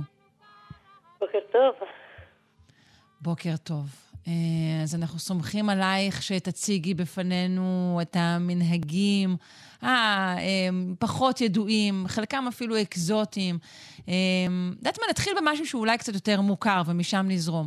מה הקשר בין סופגניה לבין ספינג', והאם יש גם קשר לספונג'ה? בטח. אה, אז אה, קודם כל צריך להגיד שהמילה, אה, גם הסופגניה וגם הספינג' המרוקאי וגם הספונג'ה, זה בעצם אה, מילה ש, שהתגלגלה אה, מהמילה היוונית ספונגוס.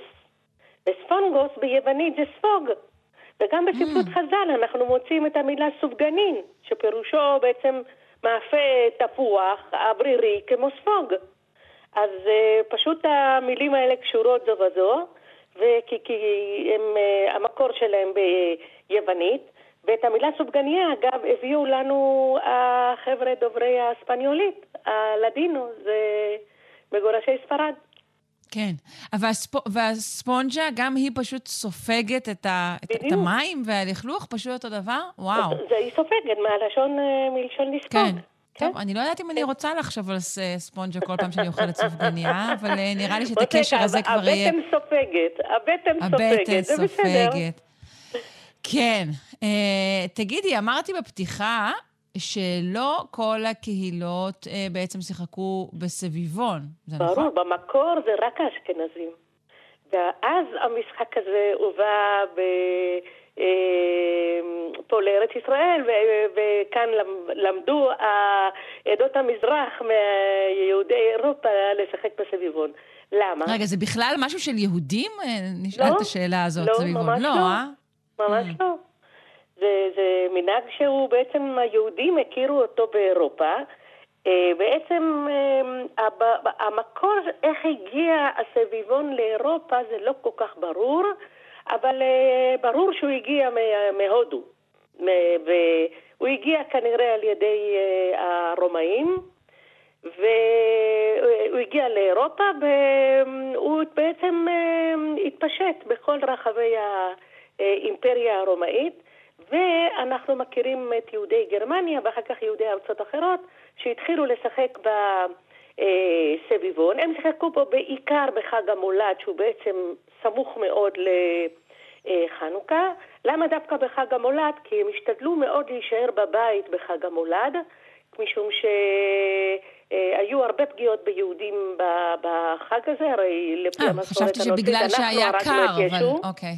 כן, הבנתי. אז הם נשארו בבית והם שיחקו. עכשיו אה, העסיקו את עצמם, והעסיקו את עצמם במשחק הסביבון שהיה מוכר בסביבה. עכשיו, מה היה כתוב על הסביבון הלא יהודי? היו שם האותיות באנגלית NGHS. עכשיו, שפירושן זה פשוט משחק מזל. אמ, N זה כמו נון, וזה ניכט בגרמנית, לא זכייה ולא הפסד. אה, G זה גנץ, זה זכית בהכל, וה' זה הלב, הלב זה חצי. ונון זה ניכט, ניכט זה כאילו, אה, אה, אה, זה רע. אה, סליחה, אה, אמרתי, הגענו ל-S. כן, חסרה לנו זה- אחת, כן. זה, זה שלכט, זה רע. כאילו, הפסדת. עכשיו, אוקיי. היהודים לקחו את האותיות האלה, ב, אה, האותיות הלטיניות, ועשו מזה ביידיש נון, ג', ה', ש'. אבל אצלנו אנחנו אמרנו שזה נס גדול היה שם, וכשבארץ זה נס גדול היה פה. זאת אומרת, שינו את השין לפה, וככה בעצם גיירו את המנהג היפה הזה, ואנחנו מכירים גם את ה... אה, אה, קוראים גם לסביבון פורפרה, ופורפרה זה מערבית. נכון, אבל כן. זה הכוונה לאותו סוג של סביבון שנופל על אחת? סוגי או ש-. או שההוא שסתם כאילו מסתובב כל הזמן, אה, בשנים האחרונות יש כאלה מסין שגם שרים אה, שירי חנוכה אה, אז זה לא בהגייה מאוד מאוד. מוזרה. באירופאי היו לו ארבע צלעות, ועל כל צלע רשומות אותיות שאנחנו מצאנו להם את המקבילות לעברית, ואנחנו גיירנו, נתנו לזה את כן. המשמעות העברית. כן. אה, עוד שאלה ששאלנו את עצמנו, האם אכן הייתה קהילה שהשתמשה בשמן צמח האופיום כדי כן, להדליק מה את זה הנרות? צמח האופיום? זה הפרג. נכון. עכשיו, באפגניסטן יש המון המון פרג, הרי ממה בן לאדן עשה את כל הכסף שלו? מה, מהאופיום, מצ, מה, ש, שמייצרים אותו מצמח הפרג. אפגניסטן מלאה בזה, כן? אז הם השתמשו בצ, בשמן של הצמח המקומי, מהפרג אפשר להפיק אופיום, אבל אפשר להפיק ממנו גם שמן. ו... כן, יש לו איזשהו, יש לו איזשהו אפקט כש, כשהם משתמשים לא, בו כשמן? לא ידוע לי, לא. לא אוקיי. ידוע לי, השמן זה פשוט, אה, את יודעת, אנחנו משתמשים בשמנים המצויים. אז המצויים והכי זולים. היום נכון, אז יהודי בארץ- אפגניסטן, את אומרת, תשתמשו בזה. עכשיו, היום בארץ, בעבר זה לא, לא היו משתמשים בשמן הזית. אבל היום זה כאילו, אה, זה גם, עץ הזית מצוי בארץ, לא- וזה גם מהדרין. כאילו שאתה לא משתמש בנרות הרגילים שהם הרבה יותר זולים, אתה משתמש בשמן זית, שזה מן המובחר, אה, לכבוד חנוכה, לכבוד הניצחון הגדול. כן, עכשיו. שאלת אותי... אה, כן. כן, כן, יש קהילה שאולי עושה איזשהו בלבול בין אה, חג השבועות לחג החנוכה, ונוטה לאכול בחג זה מאכלי חלב דווקא? עכשיו, זה לא בלבול, זה לא במקום, זה גם וגם. אה, יש עדות, זה, אנחנו אה, מכירים את זה בכל מיני קהילות של חסידים, בקהילות בצפון אפריקה, בעיראק, בטורקיה, באפגניסטן, שנהגו לאכול מאכלי חלב, אה, חוץ מלבד מאכלי השמן, אכלו גם מאכלי חלב. אה, למה? שזה זה קשור לגיבורה אה, אה, בשם יהודית. ולפי הזיכרון ההיסטורי, אני בכוונה אומרת הזיכרון ההיסטורי, כי במציאות, במקור זה אה, תקופה קצת שונה. אבל בזיכרון ההיסטורי לאורך הדורות, בקהילות השונות, בעצם מדובר על, אה, אה, זה קשור למעשה הגבורה שהציל את עם ישראל, שעשתה גיבורה בשם יהודית. עכשיו, מה הסיפור שם? הסיפור שם הוא ש... החילות היווניים אה, צרו על עיר בשם בתוליה, שאומרים שבתולי זה בית אל, אז לא יודעים אם זה בית אל, ואולי אולי בית זה ירושלים, יש כל מיני גרסאות. והם צרו על העיר, והיה ברור שאם אה, מצליחים לכבוש אותה, אז הדרך לירושלים אה, סלולה להם. ואז, אחרי כמה ימים ש, שממש לא נשארו מים לעיר, הייתה במצור, ואז מנהיגי העיר אומרים, די גמרנו, אנחנו צריכים להיכנע ליוונים. ואז באה אליהם אלמנה מאוד יפה וחכמה, ואומרת להם, תנו לי, אני אנסה. בקיצור, היא יוצאת מהעיר, היא מצליחה להיכנס למחנה האויב, והמצביא היווני שקראו לו לופרנס, אה, מאוד אה, מתאהב בה, והיא מצליחה אה, להשקות אותו חלב בלילה, והוא נרדם מהחלב הזה, מזכיר לך מה זה מישהו, את המעשה של כן. יעל וסיסרא?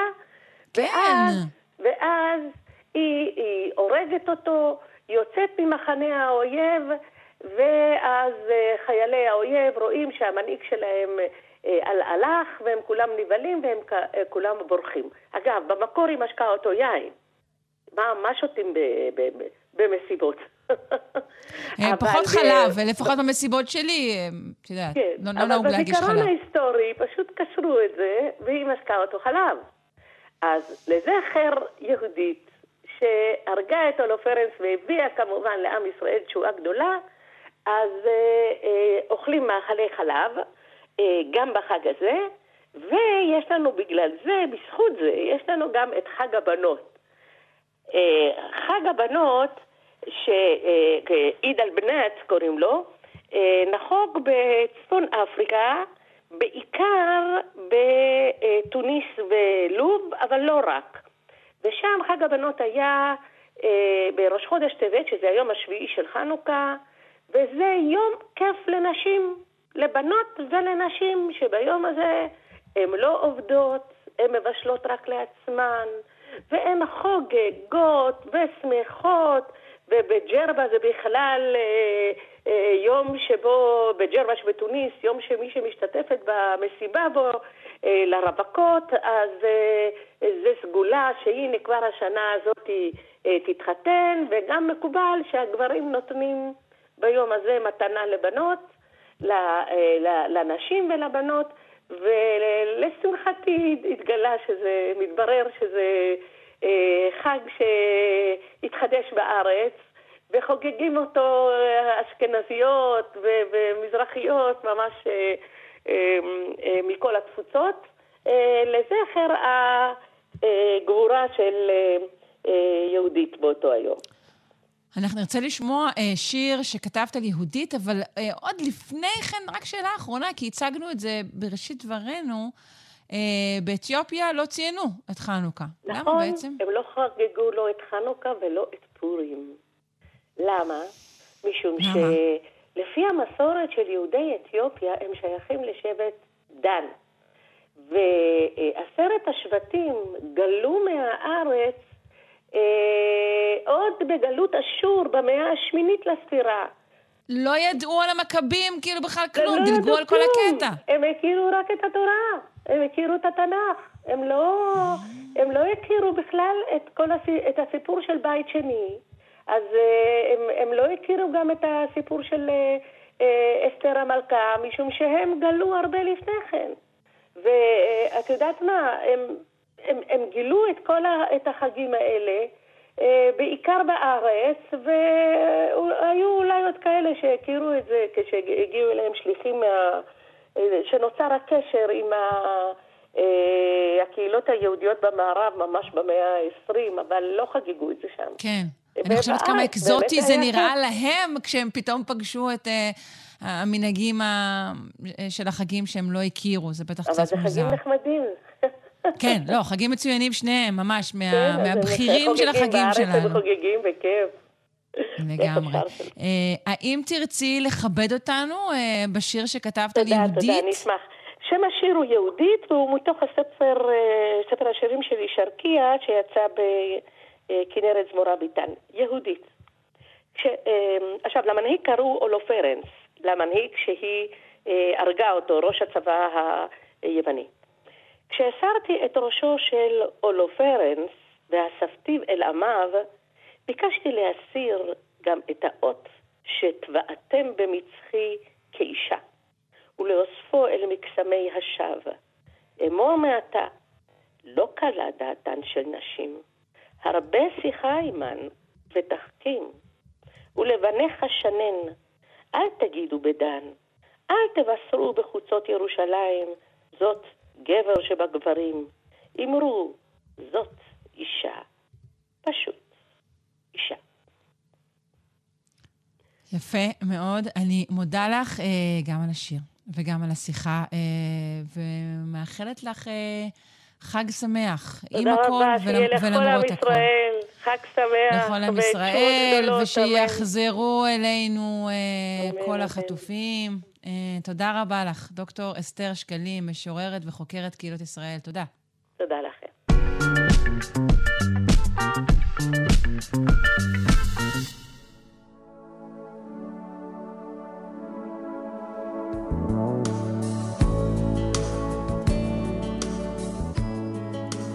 חברים, אנחנו... די, חלאס עם uh, בדיחות uh, ג'חנון וכאלה דברים. החות'ים, אני לא מצליחה להגיד את זה יפה כמו בחדשות, אולי יאיר אנגל יצליח, עומדים לשנות את תרבות הצריכה. Uh, השאלה היא האם זו בשורה שאולי אפילו יש בה איזשהו אלמנט חיובי עבור מתנגדי תרבות הצריכה, או שמדובר בצרה צרורה, כלכלית ובכלל. אה, תשובות ואולי גם עוד שאלות. יציג לנו כאמור יאיר אנגל, מעצב ומנכ"ל קיימה, מרכז לתכנון ועיצוב מקיים. שלום. בוקר טוב. אז אה, כן, טוב, הכותרת שנתנו היא קצת מוגזמת, אני לא בטוח שממש ישנו את תרבות הצריכה, אבל הם ישנו את הרגלי הצריכה שלנו ומשנים אותם כבר ברגע זה. אז מה, מה, מה, על מה אנחנו בעצם מדברים? אז אנחנו מדברים פה בפינה הרבה על המחיר האמיתי של תרבות הצריכה ושל המוצרים שאנחנו צורכים, וחלק אה, חשוב במחיר הזה הוא ההובלה של המוצרים. ובשבועות האחרונים, כמו שאמרת, חזרו המורדים החות'ים לחיינו, אני מתאמן על זה כבר כמה ימים. אה, והפעם... זה היה די מרשים, זה היה די מרשים. כן, כן, אני לקחתי השראה מארץ נהדרת.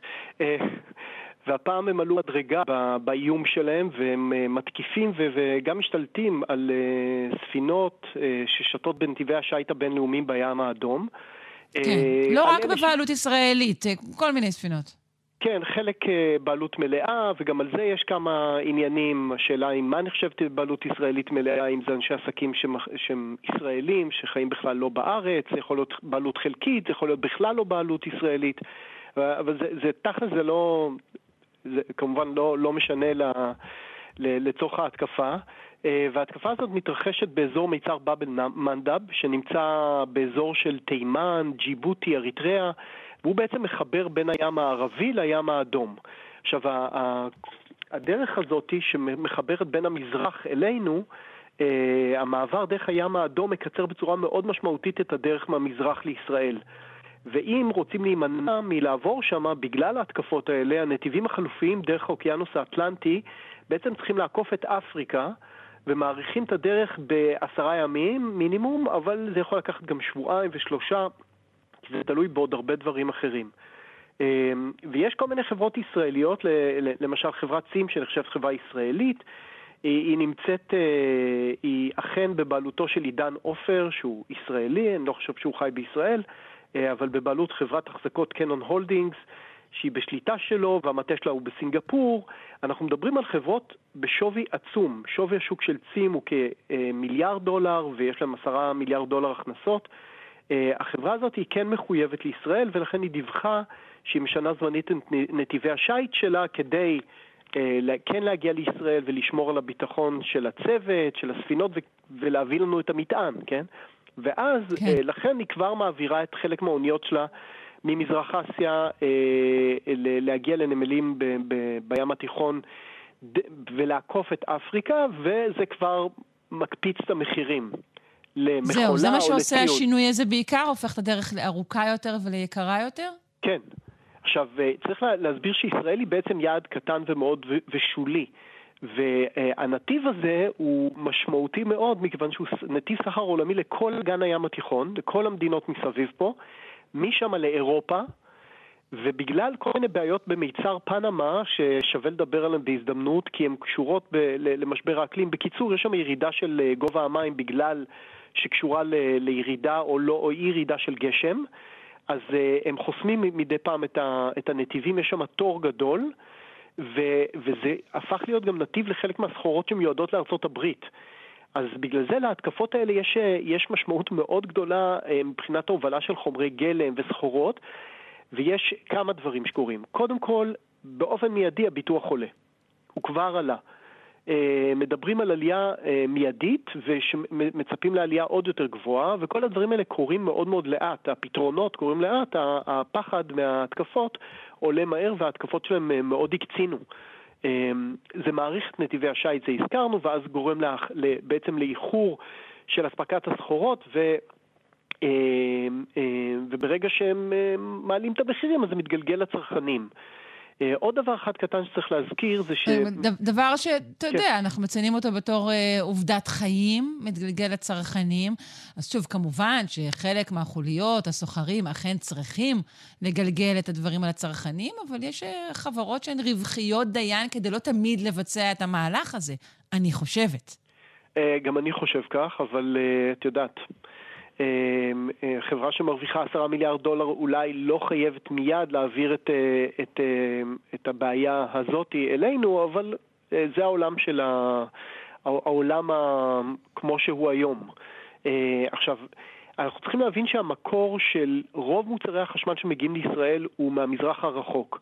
למשל, טלוויזיות מקררים מגיעים רק מהמזרח הרחוק, ומוצרי חשמל אחרים מתחלקים ל... טורקיה, אירופה אה, והמזרח הרחוק, אבל כבר מדברים על, על, על עליית מחירים אה, קרובה. וכשמדברים על מוצרי חשמל, כנראה שזה בכלל הולך להיות אה, הרבה יותר זמן, וזה יוסיף שלושה שבועות, ואפילו יותר לזמן השילוח של, ה, של המוצרים האלה, ואז יש כבר עוד כמה אנשים שצריכים לגזור על זה את ההפסדים שלהם, שזה גם למשל היבואנים ששילמו ומחכים וכולי וכולי. עוד דבר אחד חשוב וקטן, אבל ישראל היא יעד שולי. יחסית לחברות, ה, לחברות הגדולות ש, שמובילות, ואז יכול להיות שהם פשוט יפרקו את הסחורה בדרך באיזה נמל, ולא ייכנסו בכלל לאזור, פשוט ייסעו אה, למקום אחר וישאירו את הסחורה והיא לא תגיע בכלל. אה, זה כבר מגיע, זה כבר משמעותי מבחינת אה, מחירי מכוניות. אה, ההתייקרות הזאת, צופים שהיא תגיע לעלייה של אה, כמה אלפי שקלים למכונית. רק בגלל האיומים על הספנות. אז בואי נחזור לרגע ל, ל, ל, למוצרים ולמחיר האמיתי שלהם, אה, למחיר האמיתי. מה, מהו כן, המחיר האמיתי? לפני מכוניות, אני, אני בעיקר מודאגת ממזון. אני חושבת שכל אחד צריך לחשוב על זה בראש ובראשונה, לא? אה, ברור, זה, זה, זה תמיד אה, עולה, ו, ואני חושב שדיברנו גם בפינה שלי וגם בפינות אחרות על, על, על, על על הבעיה ועל uh, ירידת הביטחון התזונתי בגלל uh, יבוא מזון ו- ו- כן. ו- וחוסר העידוד של uh, חקלאות ושל ייצור מזון מקומי, וזה כן, זה הולך להיתקע, גם הולך להיגמר, להיגרם לחוסר, גם ירידה באיכות המזון, מזון ששט עוד שלושה שבועות בים, הוא כבר פחות טרי. גם אם הוא קפוא, אבל יש הרבה מאוד מזונות שמצוננים וכולי, אז כן. זה יכול לגרום להרבה בעיות וגם לחוסרים. אני רוצה ללכת על משהו יותר מסובך, אה, ברור, וגם אין לנו הרבה זמן, אז אה, בוא, בוא נדבר על מוצרי חשמל ואלקטרוניקה למשל. עכשיו, אנחנו לא רגילים לחשוב בצורה הזאת, אבל אה, וואו, איזה אבסורד, אותו מקרר וגישה כל כך שונה. חיכיתי כל כך להגיד את זה. המקרר שלנו, היצור התמים הזה שיושב בבית, הוא מיוצר עם מאות רכיבים ועם הרבה חומרי גלם, חלקם נדירים, שמגיעים ממש מכל רחבי העולם. אה, הוא, אם חושבים על זה בעצם, אנחנו מדברים על בניין בתור בנק של חומרי גלם, גם מקרר הוא בנק של חומרי גלם. ואם הוא זול בצורה מפתיעה, אה, זה אומר דרשני. הרבה זאת אומרת, אנחנו משלמים בזול, והרבה אנשים קונים את המקרר, את מכונת הכביסה שלהם, את התנור, אומרים, טוב, אני אקנה את הזול ואני אחליף שהוא ייהרס, אחרי זה הם כמובן מתלוננים שמוכרים להם מוצרים גרועים, אבל הם קונים מוצר זול מאוד, במחיר אפילו קצת תמוה, יחסית למה שהתרגלנו בעבר, כי כן. המחירים ירדו. אה, והרבה אנשים שילמו את המחיר הזה. מישהו משלם את המחיר הזה במהלך שרשראות הייצור שלו. נכון, אם כי תמיד עולה השאלה, האם מוצר יקר יותר הוא בהכרח איכותי יותר, או שמא הוא רק ממותג בצורה טובה יותר? אני לא בטוחה שזה אחד לאחד, הסיפור הזה. לא, זה ממש לא אחד לאחד, אבל יש אה, אה, למשל מחירים אנרגטיים, זה, יש מדבקות היום שחייבים לשים אותם כן. על המוצרים, כמה אנרגיה הוא צורך במהלך, במהלך החיים שלו. ומה שאני אומר, אני, בוא, בוא נדבר על כמה פתרונות בזריזות. אחד, אני רק אזכיר אותם בכותרות, כן? אז קודם כל ברור כלומר, פתרונות שאנחנו... למצב שיהיה לנו עיכוב בהבאה של מוצרים שונים והתייקרות שלהם, נכון? פתרונות לזה אתה מדבר. פתרונות לחיים. אוקיי, okay, קודם כל צריך להפחית בצורה משמעותית של קני, בקנייה של מוצרים באיכות נמוכה, ואת זה אנחנו יודעים טוב מאוד לבדוק ברוב המקרים, או פשוט צריך לבדוק ולקרוא יותר. צריך לקנות אה, מוצרים שאפשר לתקן אותם, לשפץ אותם, לשדרג אותם. אבל שוב, אם תהיה בהם חלקי חילוף, אז היא עלולה לגעת גם בעניין הזה. נכון, וזה מעולה השאלה הזאת. גם תיקון אה, דורש מ- חלקי חילוף. מכיוון שאם יש יותר ויותר חקיקה של אחריות יצרן מורחבת, שהזכרנו על זה ונדבר על זה עוד בעתיד, כלומר הגדלת האחריות על מוצרים, המדינה, אה, וזה כבר קורה במדינות אירופה מסוימות, בישראל זה עדיין לא, הגדילה את האחריות על מוצרים ואז היא דורשת מהיבואנים להחזיק אה, אה, סטוק של אה, חומרי חלקי חילוף ולתת את האחריות הזאת שהם יכולים לתקן את המוצרים ואז אנחנו לא צריכים לחכות לזה.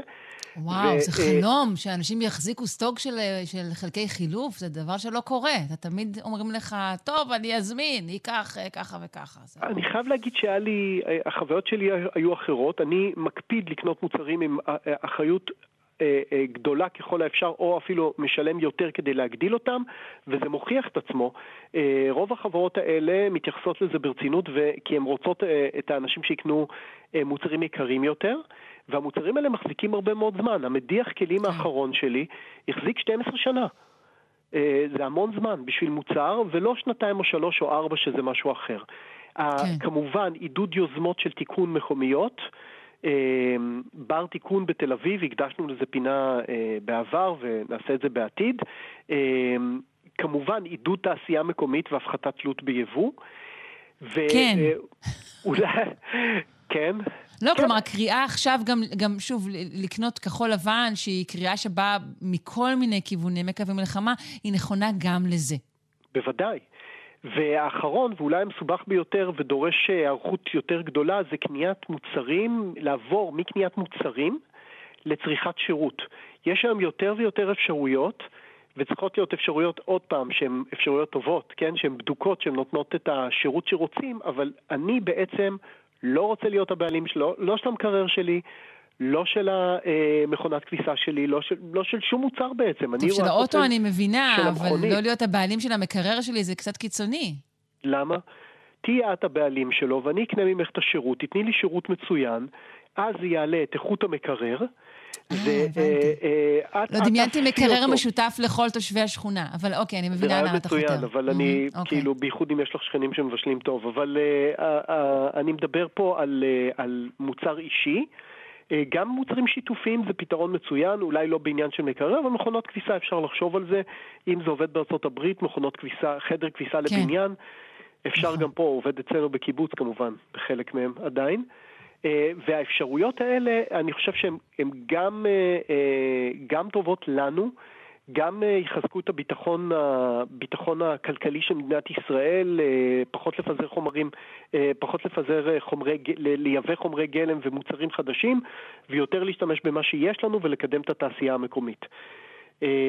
נראה לי שזה זה, זה הכיוון. טוב, אנחנו צריכים ו... לסיים. יכולתי להעלות פה כלכלן שאולי היה אומר, אה, אנחנו חייבים להמשיך את הצריכה, הכלכלה כולה תלויה בזה, אבל לא הבאתי אותו, בחרתי להביא אותך, ושמחתי לדבריך. יאיר אנגל, מעצב ומנכ"ל קיימה, מרכז לתכנון ועיצוב מקיים. תודה רבה. ימים טובים. תודה, תודה רבה.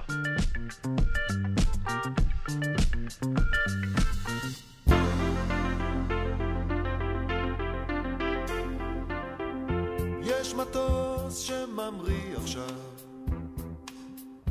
מתרחק במרומים. אה, אנחנו רוצים לתת לכם אה, עוד אה, טיפ שימושי, וזה איך לנחות על נושאת מטוסים. מאז תחילת הלחימה, ארה"ב קרבה לעזורנו את נושאות המטוסים פורד ואייזנהאואר. אנחנו רוצים לשאול כרגע את ניצן סדן, חוקר היסטוריה של התעופה ובעל טור הקברניט, שמתפרסם בכלכליסט. איך, איך נוחתים על נושאת מטוסים? בוקר טוב. בוקר אור. מה נשמע? תראה. זהו, אני מסיימת בתראה, אל תצפה שזה ימשיך. זה, כן, מי מאיתנו לא קם בבוקר ושאל את עצמו, איך אני הולך לנחות על נושאת המטוסים בבוקר?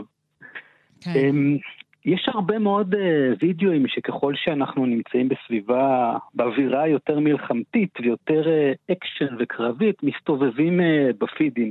וכאשר נודע שנושאות המטוסים שלנו, האמריקאים, מגיעות לאזורנו, אה, כמו הספינה פורד, היא נושאת המטוסים הכי חדשה וגדולה ועוצמתית בעולם, אז אה, התמלאו אה, הפידים בסרטונים של אה, מטוסים נוחתים וממריאים מהאוניות האלה. והאוניות האלה הן ממש ענקיות, אבל... אה, זהו, מה הגודל שלהן, פחות או יותר? 338 אה, מטר. וואו.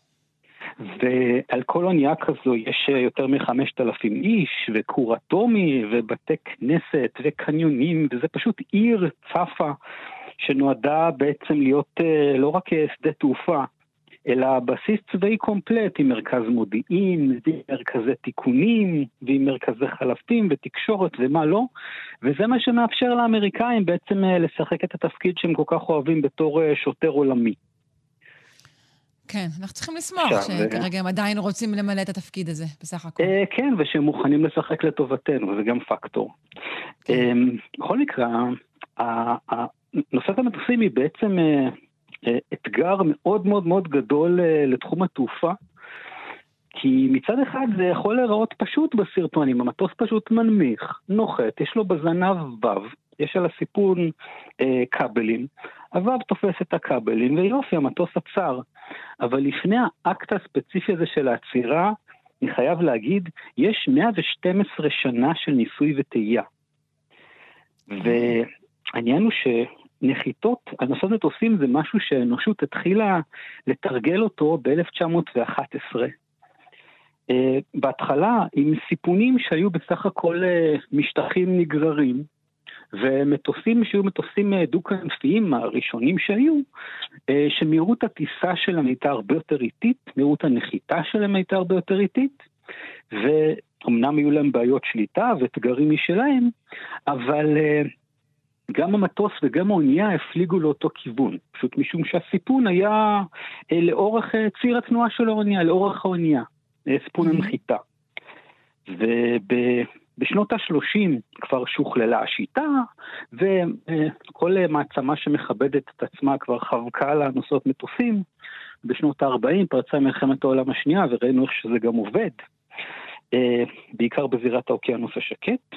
למשל, מתקפת פרל הרבור התאפשרה בזכות כוח של נושאות מטוסים, שביצעה מתקפה מתגלגלת של כלים שממריאים ונוחתים, ממריאים ונוחתים. כן. ואז התברר בעצם עד כמה קשה ומטורלל לגמרי העניין הזה של נחיתה על נושאת מטוסים במסות. כי מה שעובד יפה בנמל ובתרגילים לא עובד כשיש נניח אויב שיורה עליך, וכאשר אה, מזג האוויר לא משתף פעולה, ולמשל כשנהיה חשוך, והרבה הרבה מאוד מהאבדות של כל אה, הכוחות שהפעילו נושאות מטוסים במלחמה, היו בעצם טייסים שלא הצליחו לנחות. והסיבה היא שקודם כל, ככל שמתקרבים לפני הים, העילוי דווקא עולה. גם בגלל תנועת, ה... בגלל תנועת המים, בגלל אה, טמפרטורה, וככה, כאשר מנסים להנמיך הדרגתית, לפעמים הים פשוט נותן לך פוש. ולכן צריכים לבצע את ההנמכה בצורה מאוד מאוד מאוד הדרגתית, ובשביל זה צריך גם להאט, וככל שאתה טס לאט יותר, ככה אתה שולט פחות טוב בכלי, ואפשר בקלות להזדקר וליפול, כך שיש בעצם איזשהו חלון מאוד מאוד מדויק שבו צריכים להגיע מבחינת הטייס. עכשיו, גם המטוס צריך להיות מתוכנן בצורה שהוא יוכל אה, אה, לטוס אה, נמוך, לאט ובאופן נשלט. אז הוא צריך כנפיים יותר גדולות שייצרו יותר עילוי, הוא צריך הגאים יותר גדולים כדי שתנועה עדינה תאפשר אה, תיקונים מדויקים, והוא צריך קנה גלגלים מאוד חזקים, משום שהמגע של האונייה בסיפון הוא מאוד מאוד מאוד עוצמתי. זאת הסיבה שבמקום על מסלול באורך של 900 מטר, 1,100 מטר, אפשר לנחות ככה על ספינה של 300 מטר. אמ, אז מה, מה עשו? איזה, מה, מה יכול לסייע למטוסים בנחיתה מורכבת כזו? זהו, הדבר הראשון, אה, ש... הדבר הכי חשוב בעצם, מעבר לכמובן התרגול והאימון והעיצוב של המטוס, זה אה, שהטייס ידע אם הוא מגיע בזווית הנכונה, במהירות הנכונה ובכיוון הנכון. כן. פעם זה לא היה מאוד קשה, כמו שאמרתי, מהבחינה הזו, כי האונייה הייתה מפליגה נגד הרוח, כדי לעזור למטוס לעט. הטייס היה מתקרב, מרים את האף כמה שהוא יכול, ו, אה, ונוחת בעצם כשהוא טס לאותו כיוון שבו, שאליו האונייה מפליגה. אבל בשנות החמישים הופיעו נוסעות נוסעים חדשות, שיש להן שני מסלולים בעצם, אחד לאורך הציר שלהן ואחד משופע. בצורה הזאת שני מטוסים יכולים להמריא בבת אחת למשל, אפשר גם להמריא וגם לנחות, וכל האופרציה הופכת ליותר אה, נבונה. Mm-hmm. ופה נוצר מצב שבו האונייה מפליגה לכיוון אחד, והמסלול שלו עומד בכיוון אחר. כך שבעצם המטוס צריך לבוא לפי כיוון המסלול ולא לפי כיוון האונייה. זה אתגר מאוד מאוד רציני, והפתרון שנמצא לכך הוא פתרון אה, יצירתי מאוד. השתמשו בעצם במראה גדולה ובפרוז'קטור שמציג אה, אור בעצם אל תוך המראה. ולפי הזווית שבה הטייס רואה את האור, הוא יכול לדעת אם הוא צריך לתקן טיפה ימין או טיפה שמאלה, ולפי mm. אה, איתותים אה, מצוות הסינה, איתותים אה, בהתחלה זה היה באמצעות דגלים ופנסים ואחר כך באמצעות פרוז'קטורים גדולים, מתקנים את הצוות כדי שידע כמה הוא צריך לזוז ימינה ושמאלה או להאט או להאיט. כן. נותרה לנו דקה, זו... ואני רוצה לשמוע ממך, על, כן. יש איזה וו שבעצם עוזר לתפוס את המטוסים? כן, בזנב של המטוס ישנו אה, אה, בעצם אה, מוט עם וו, והמוט הזה נקרא הוק, הוא פשוט אה, מורד כאשר באים לנחיתה, ויש סדרה של מספר כבלים, אה, לא ממתכת, מניילון, שהם גמישים לא, סליחה, אה, בספינות החדשות אני חושב שעברו לכבלים מפלדה, אני לא רוצה להטעות, ופשוט אה, אה, עוברים את הכבלים האלה, ואם הוו לא נתפס, אז הטייס פשוט אה, פותח פול גז, והולך ומנסה, ומנסה שוב. כן, אה, ולמי שאומר לעצמו, אה, שימו את זה על אוטומט, למה לא עושים את זה פשוט בהכל באוטומט? זה עדיין לא כל כך פשוט, עדיין צריכים בני אדם גם שישלטו על התהליך, נכון? הבעיה היא שגם אם עכשיו אנחנו יכולים לקחת ולסנכרן את מחשב הטיסה עם מחשב האונייה. יענו, יש לנו עכשיו כן. מוד אחד שמבצע שתי פעולות, שיהיה מושלם. הים ייצר כל כך הרבה, אה, אפילו mm. קפיצה קטנה של גל משנה פתאום את כן. הזווית של הסיפון, וברגע שהמערכת לא אמינה ב-100% בכל פעם, התוצאה היא התנגשות ב-100%. כאשר על הסיפור יש עוד מטוסים ופצצות כן. ובלאגן, וזה לא מומלץ. לא מומלץ. טוב, אז אה, נקווה שזה לא יקרה. Uh, תודה רבה לך, ניצן סדן, חוקר היסטוריה של התעופה, הובל תור הקברניט בכלכליסט. סליחה על קיצור הזמן, תודה לך. תודה. עד כאן שעתיים שלנו, שלושה שיודעים, שערכה אלכס לויקר, שהפיקה תמר בנימין, אל הביצוע הטכני תמיר צוברי. ניתן להאזין לנו גם כהסכת ביישומון של כאן תאגיד השידור, או ביישומון אחר לבחירתכם. אנחנו משודרים גם בשידור חוזר בשעה שמונה בערב. חפשו אותנו גם בעמוד הפייסבוק כאן שלושה שיודעים, ותשלחו לנו שאלות שמעניינות אתכם.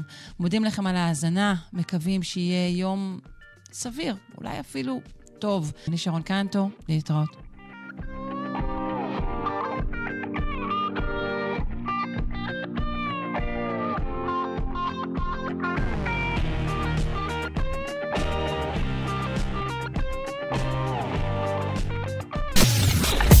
אתן מאזינות ואתם מאזינים לכאן הסכתים. כאן הסכתים, הפודקאסטים של תאגיד השידור הישראלי.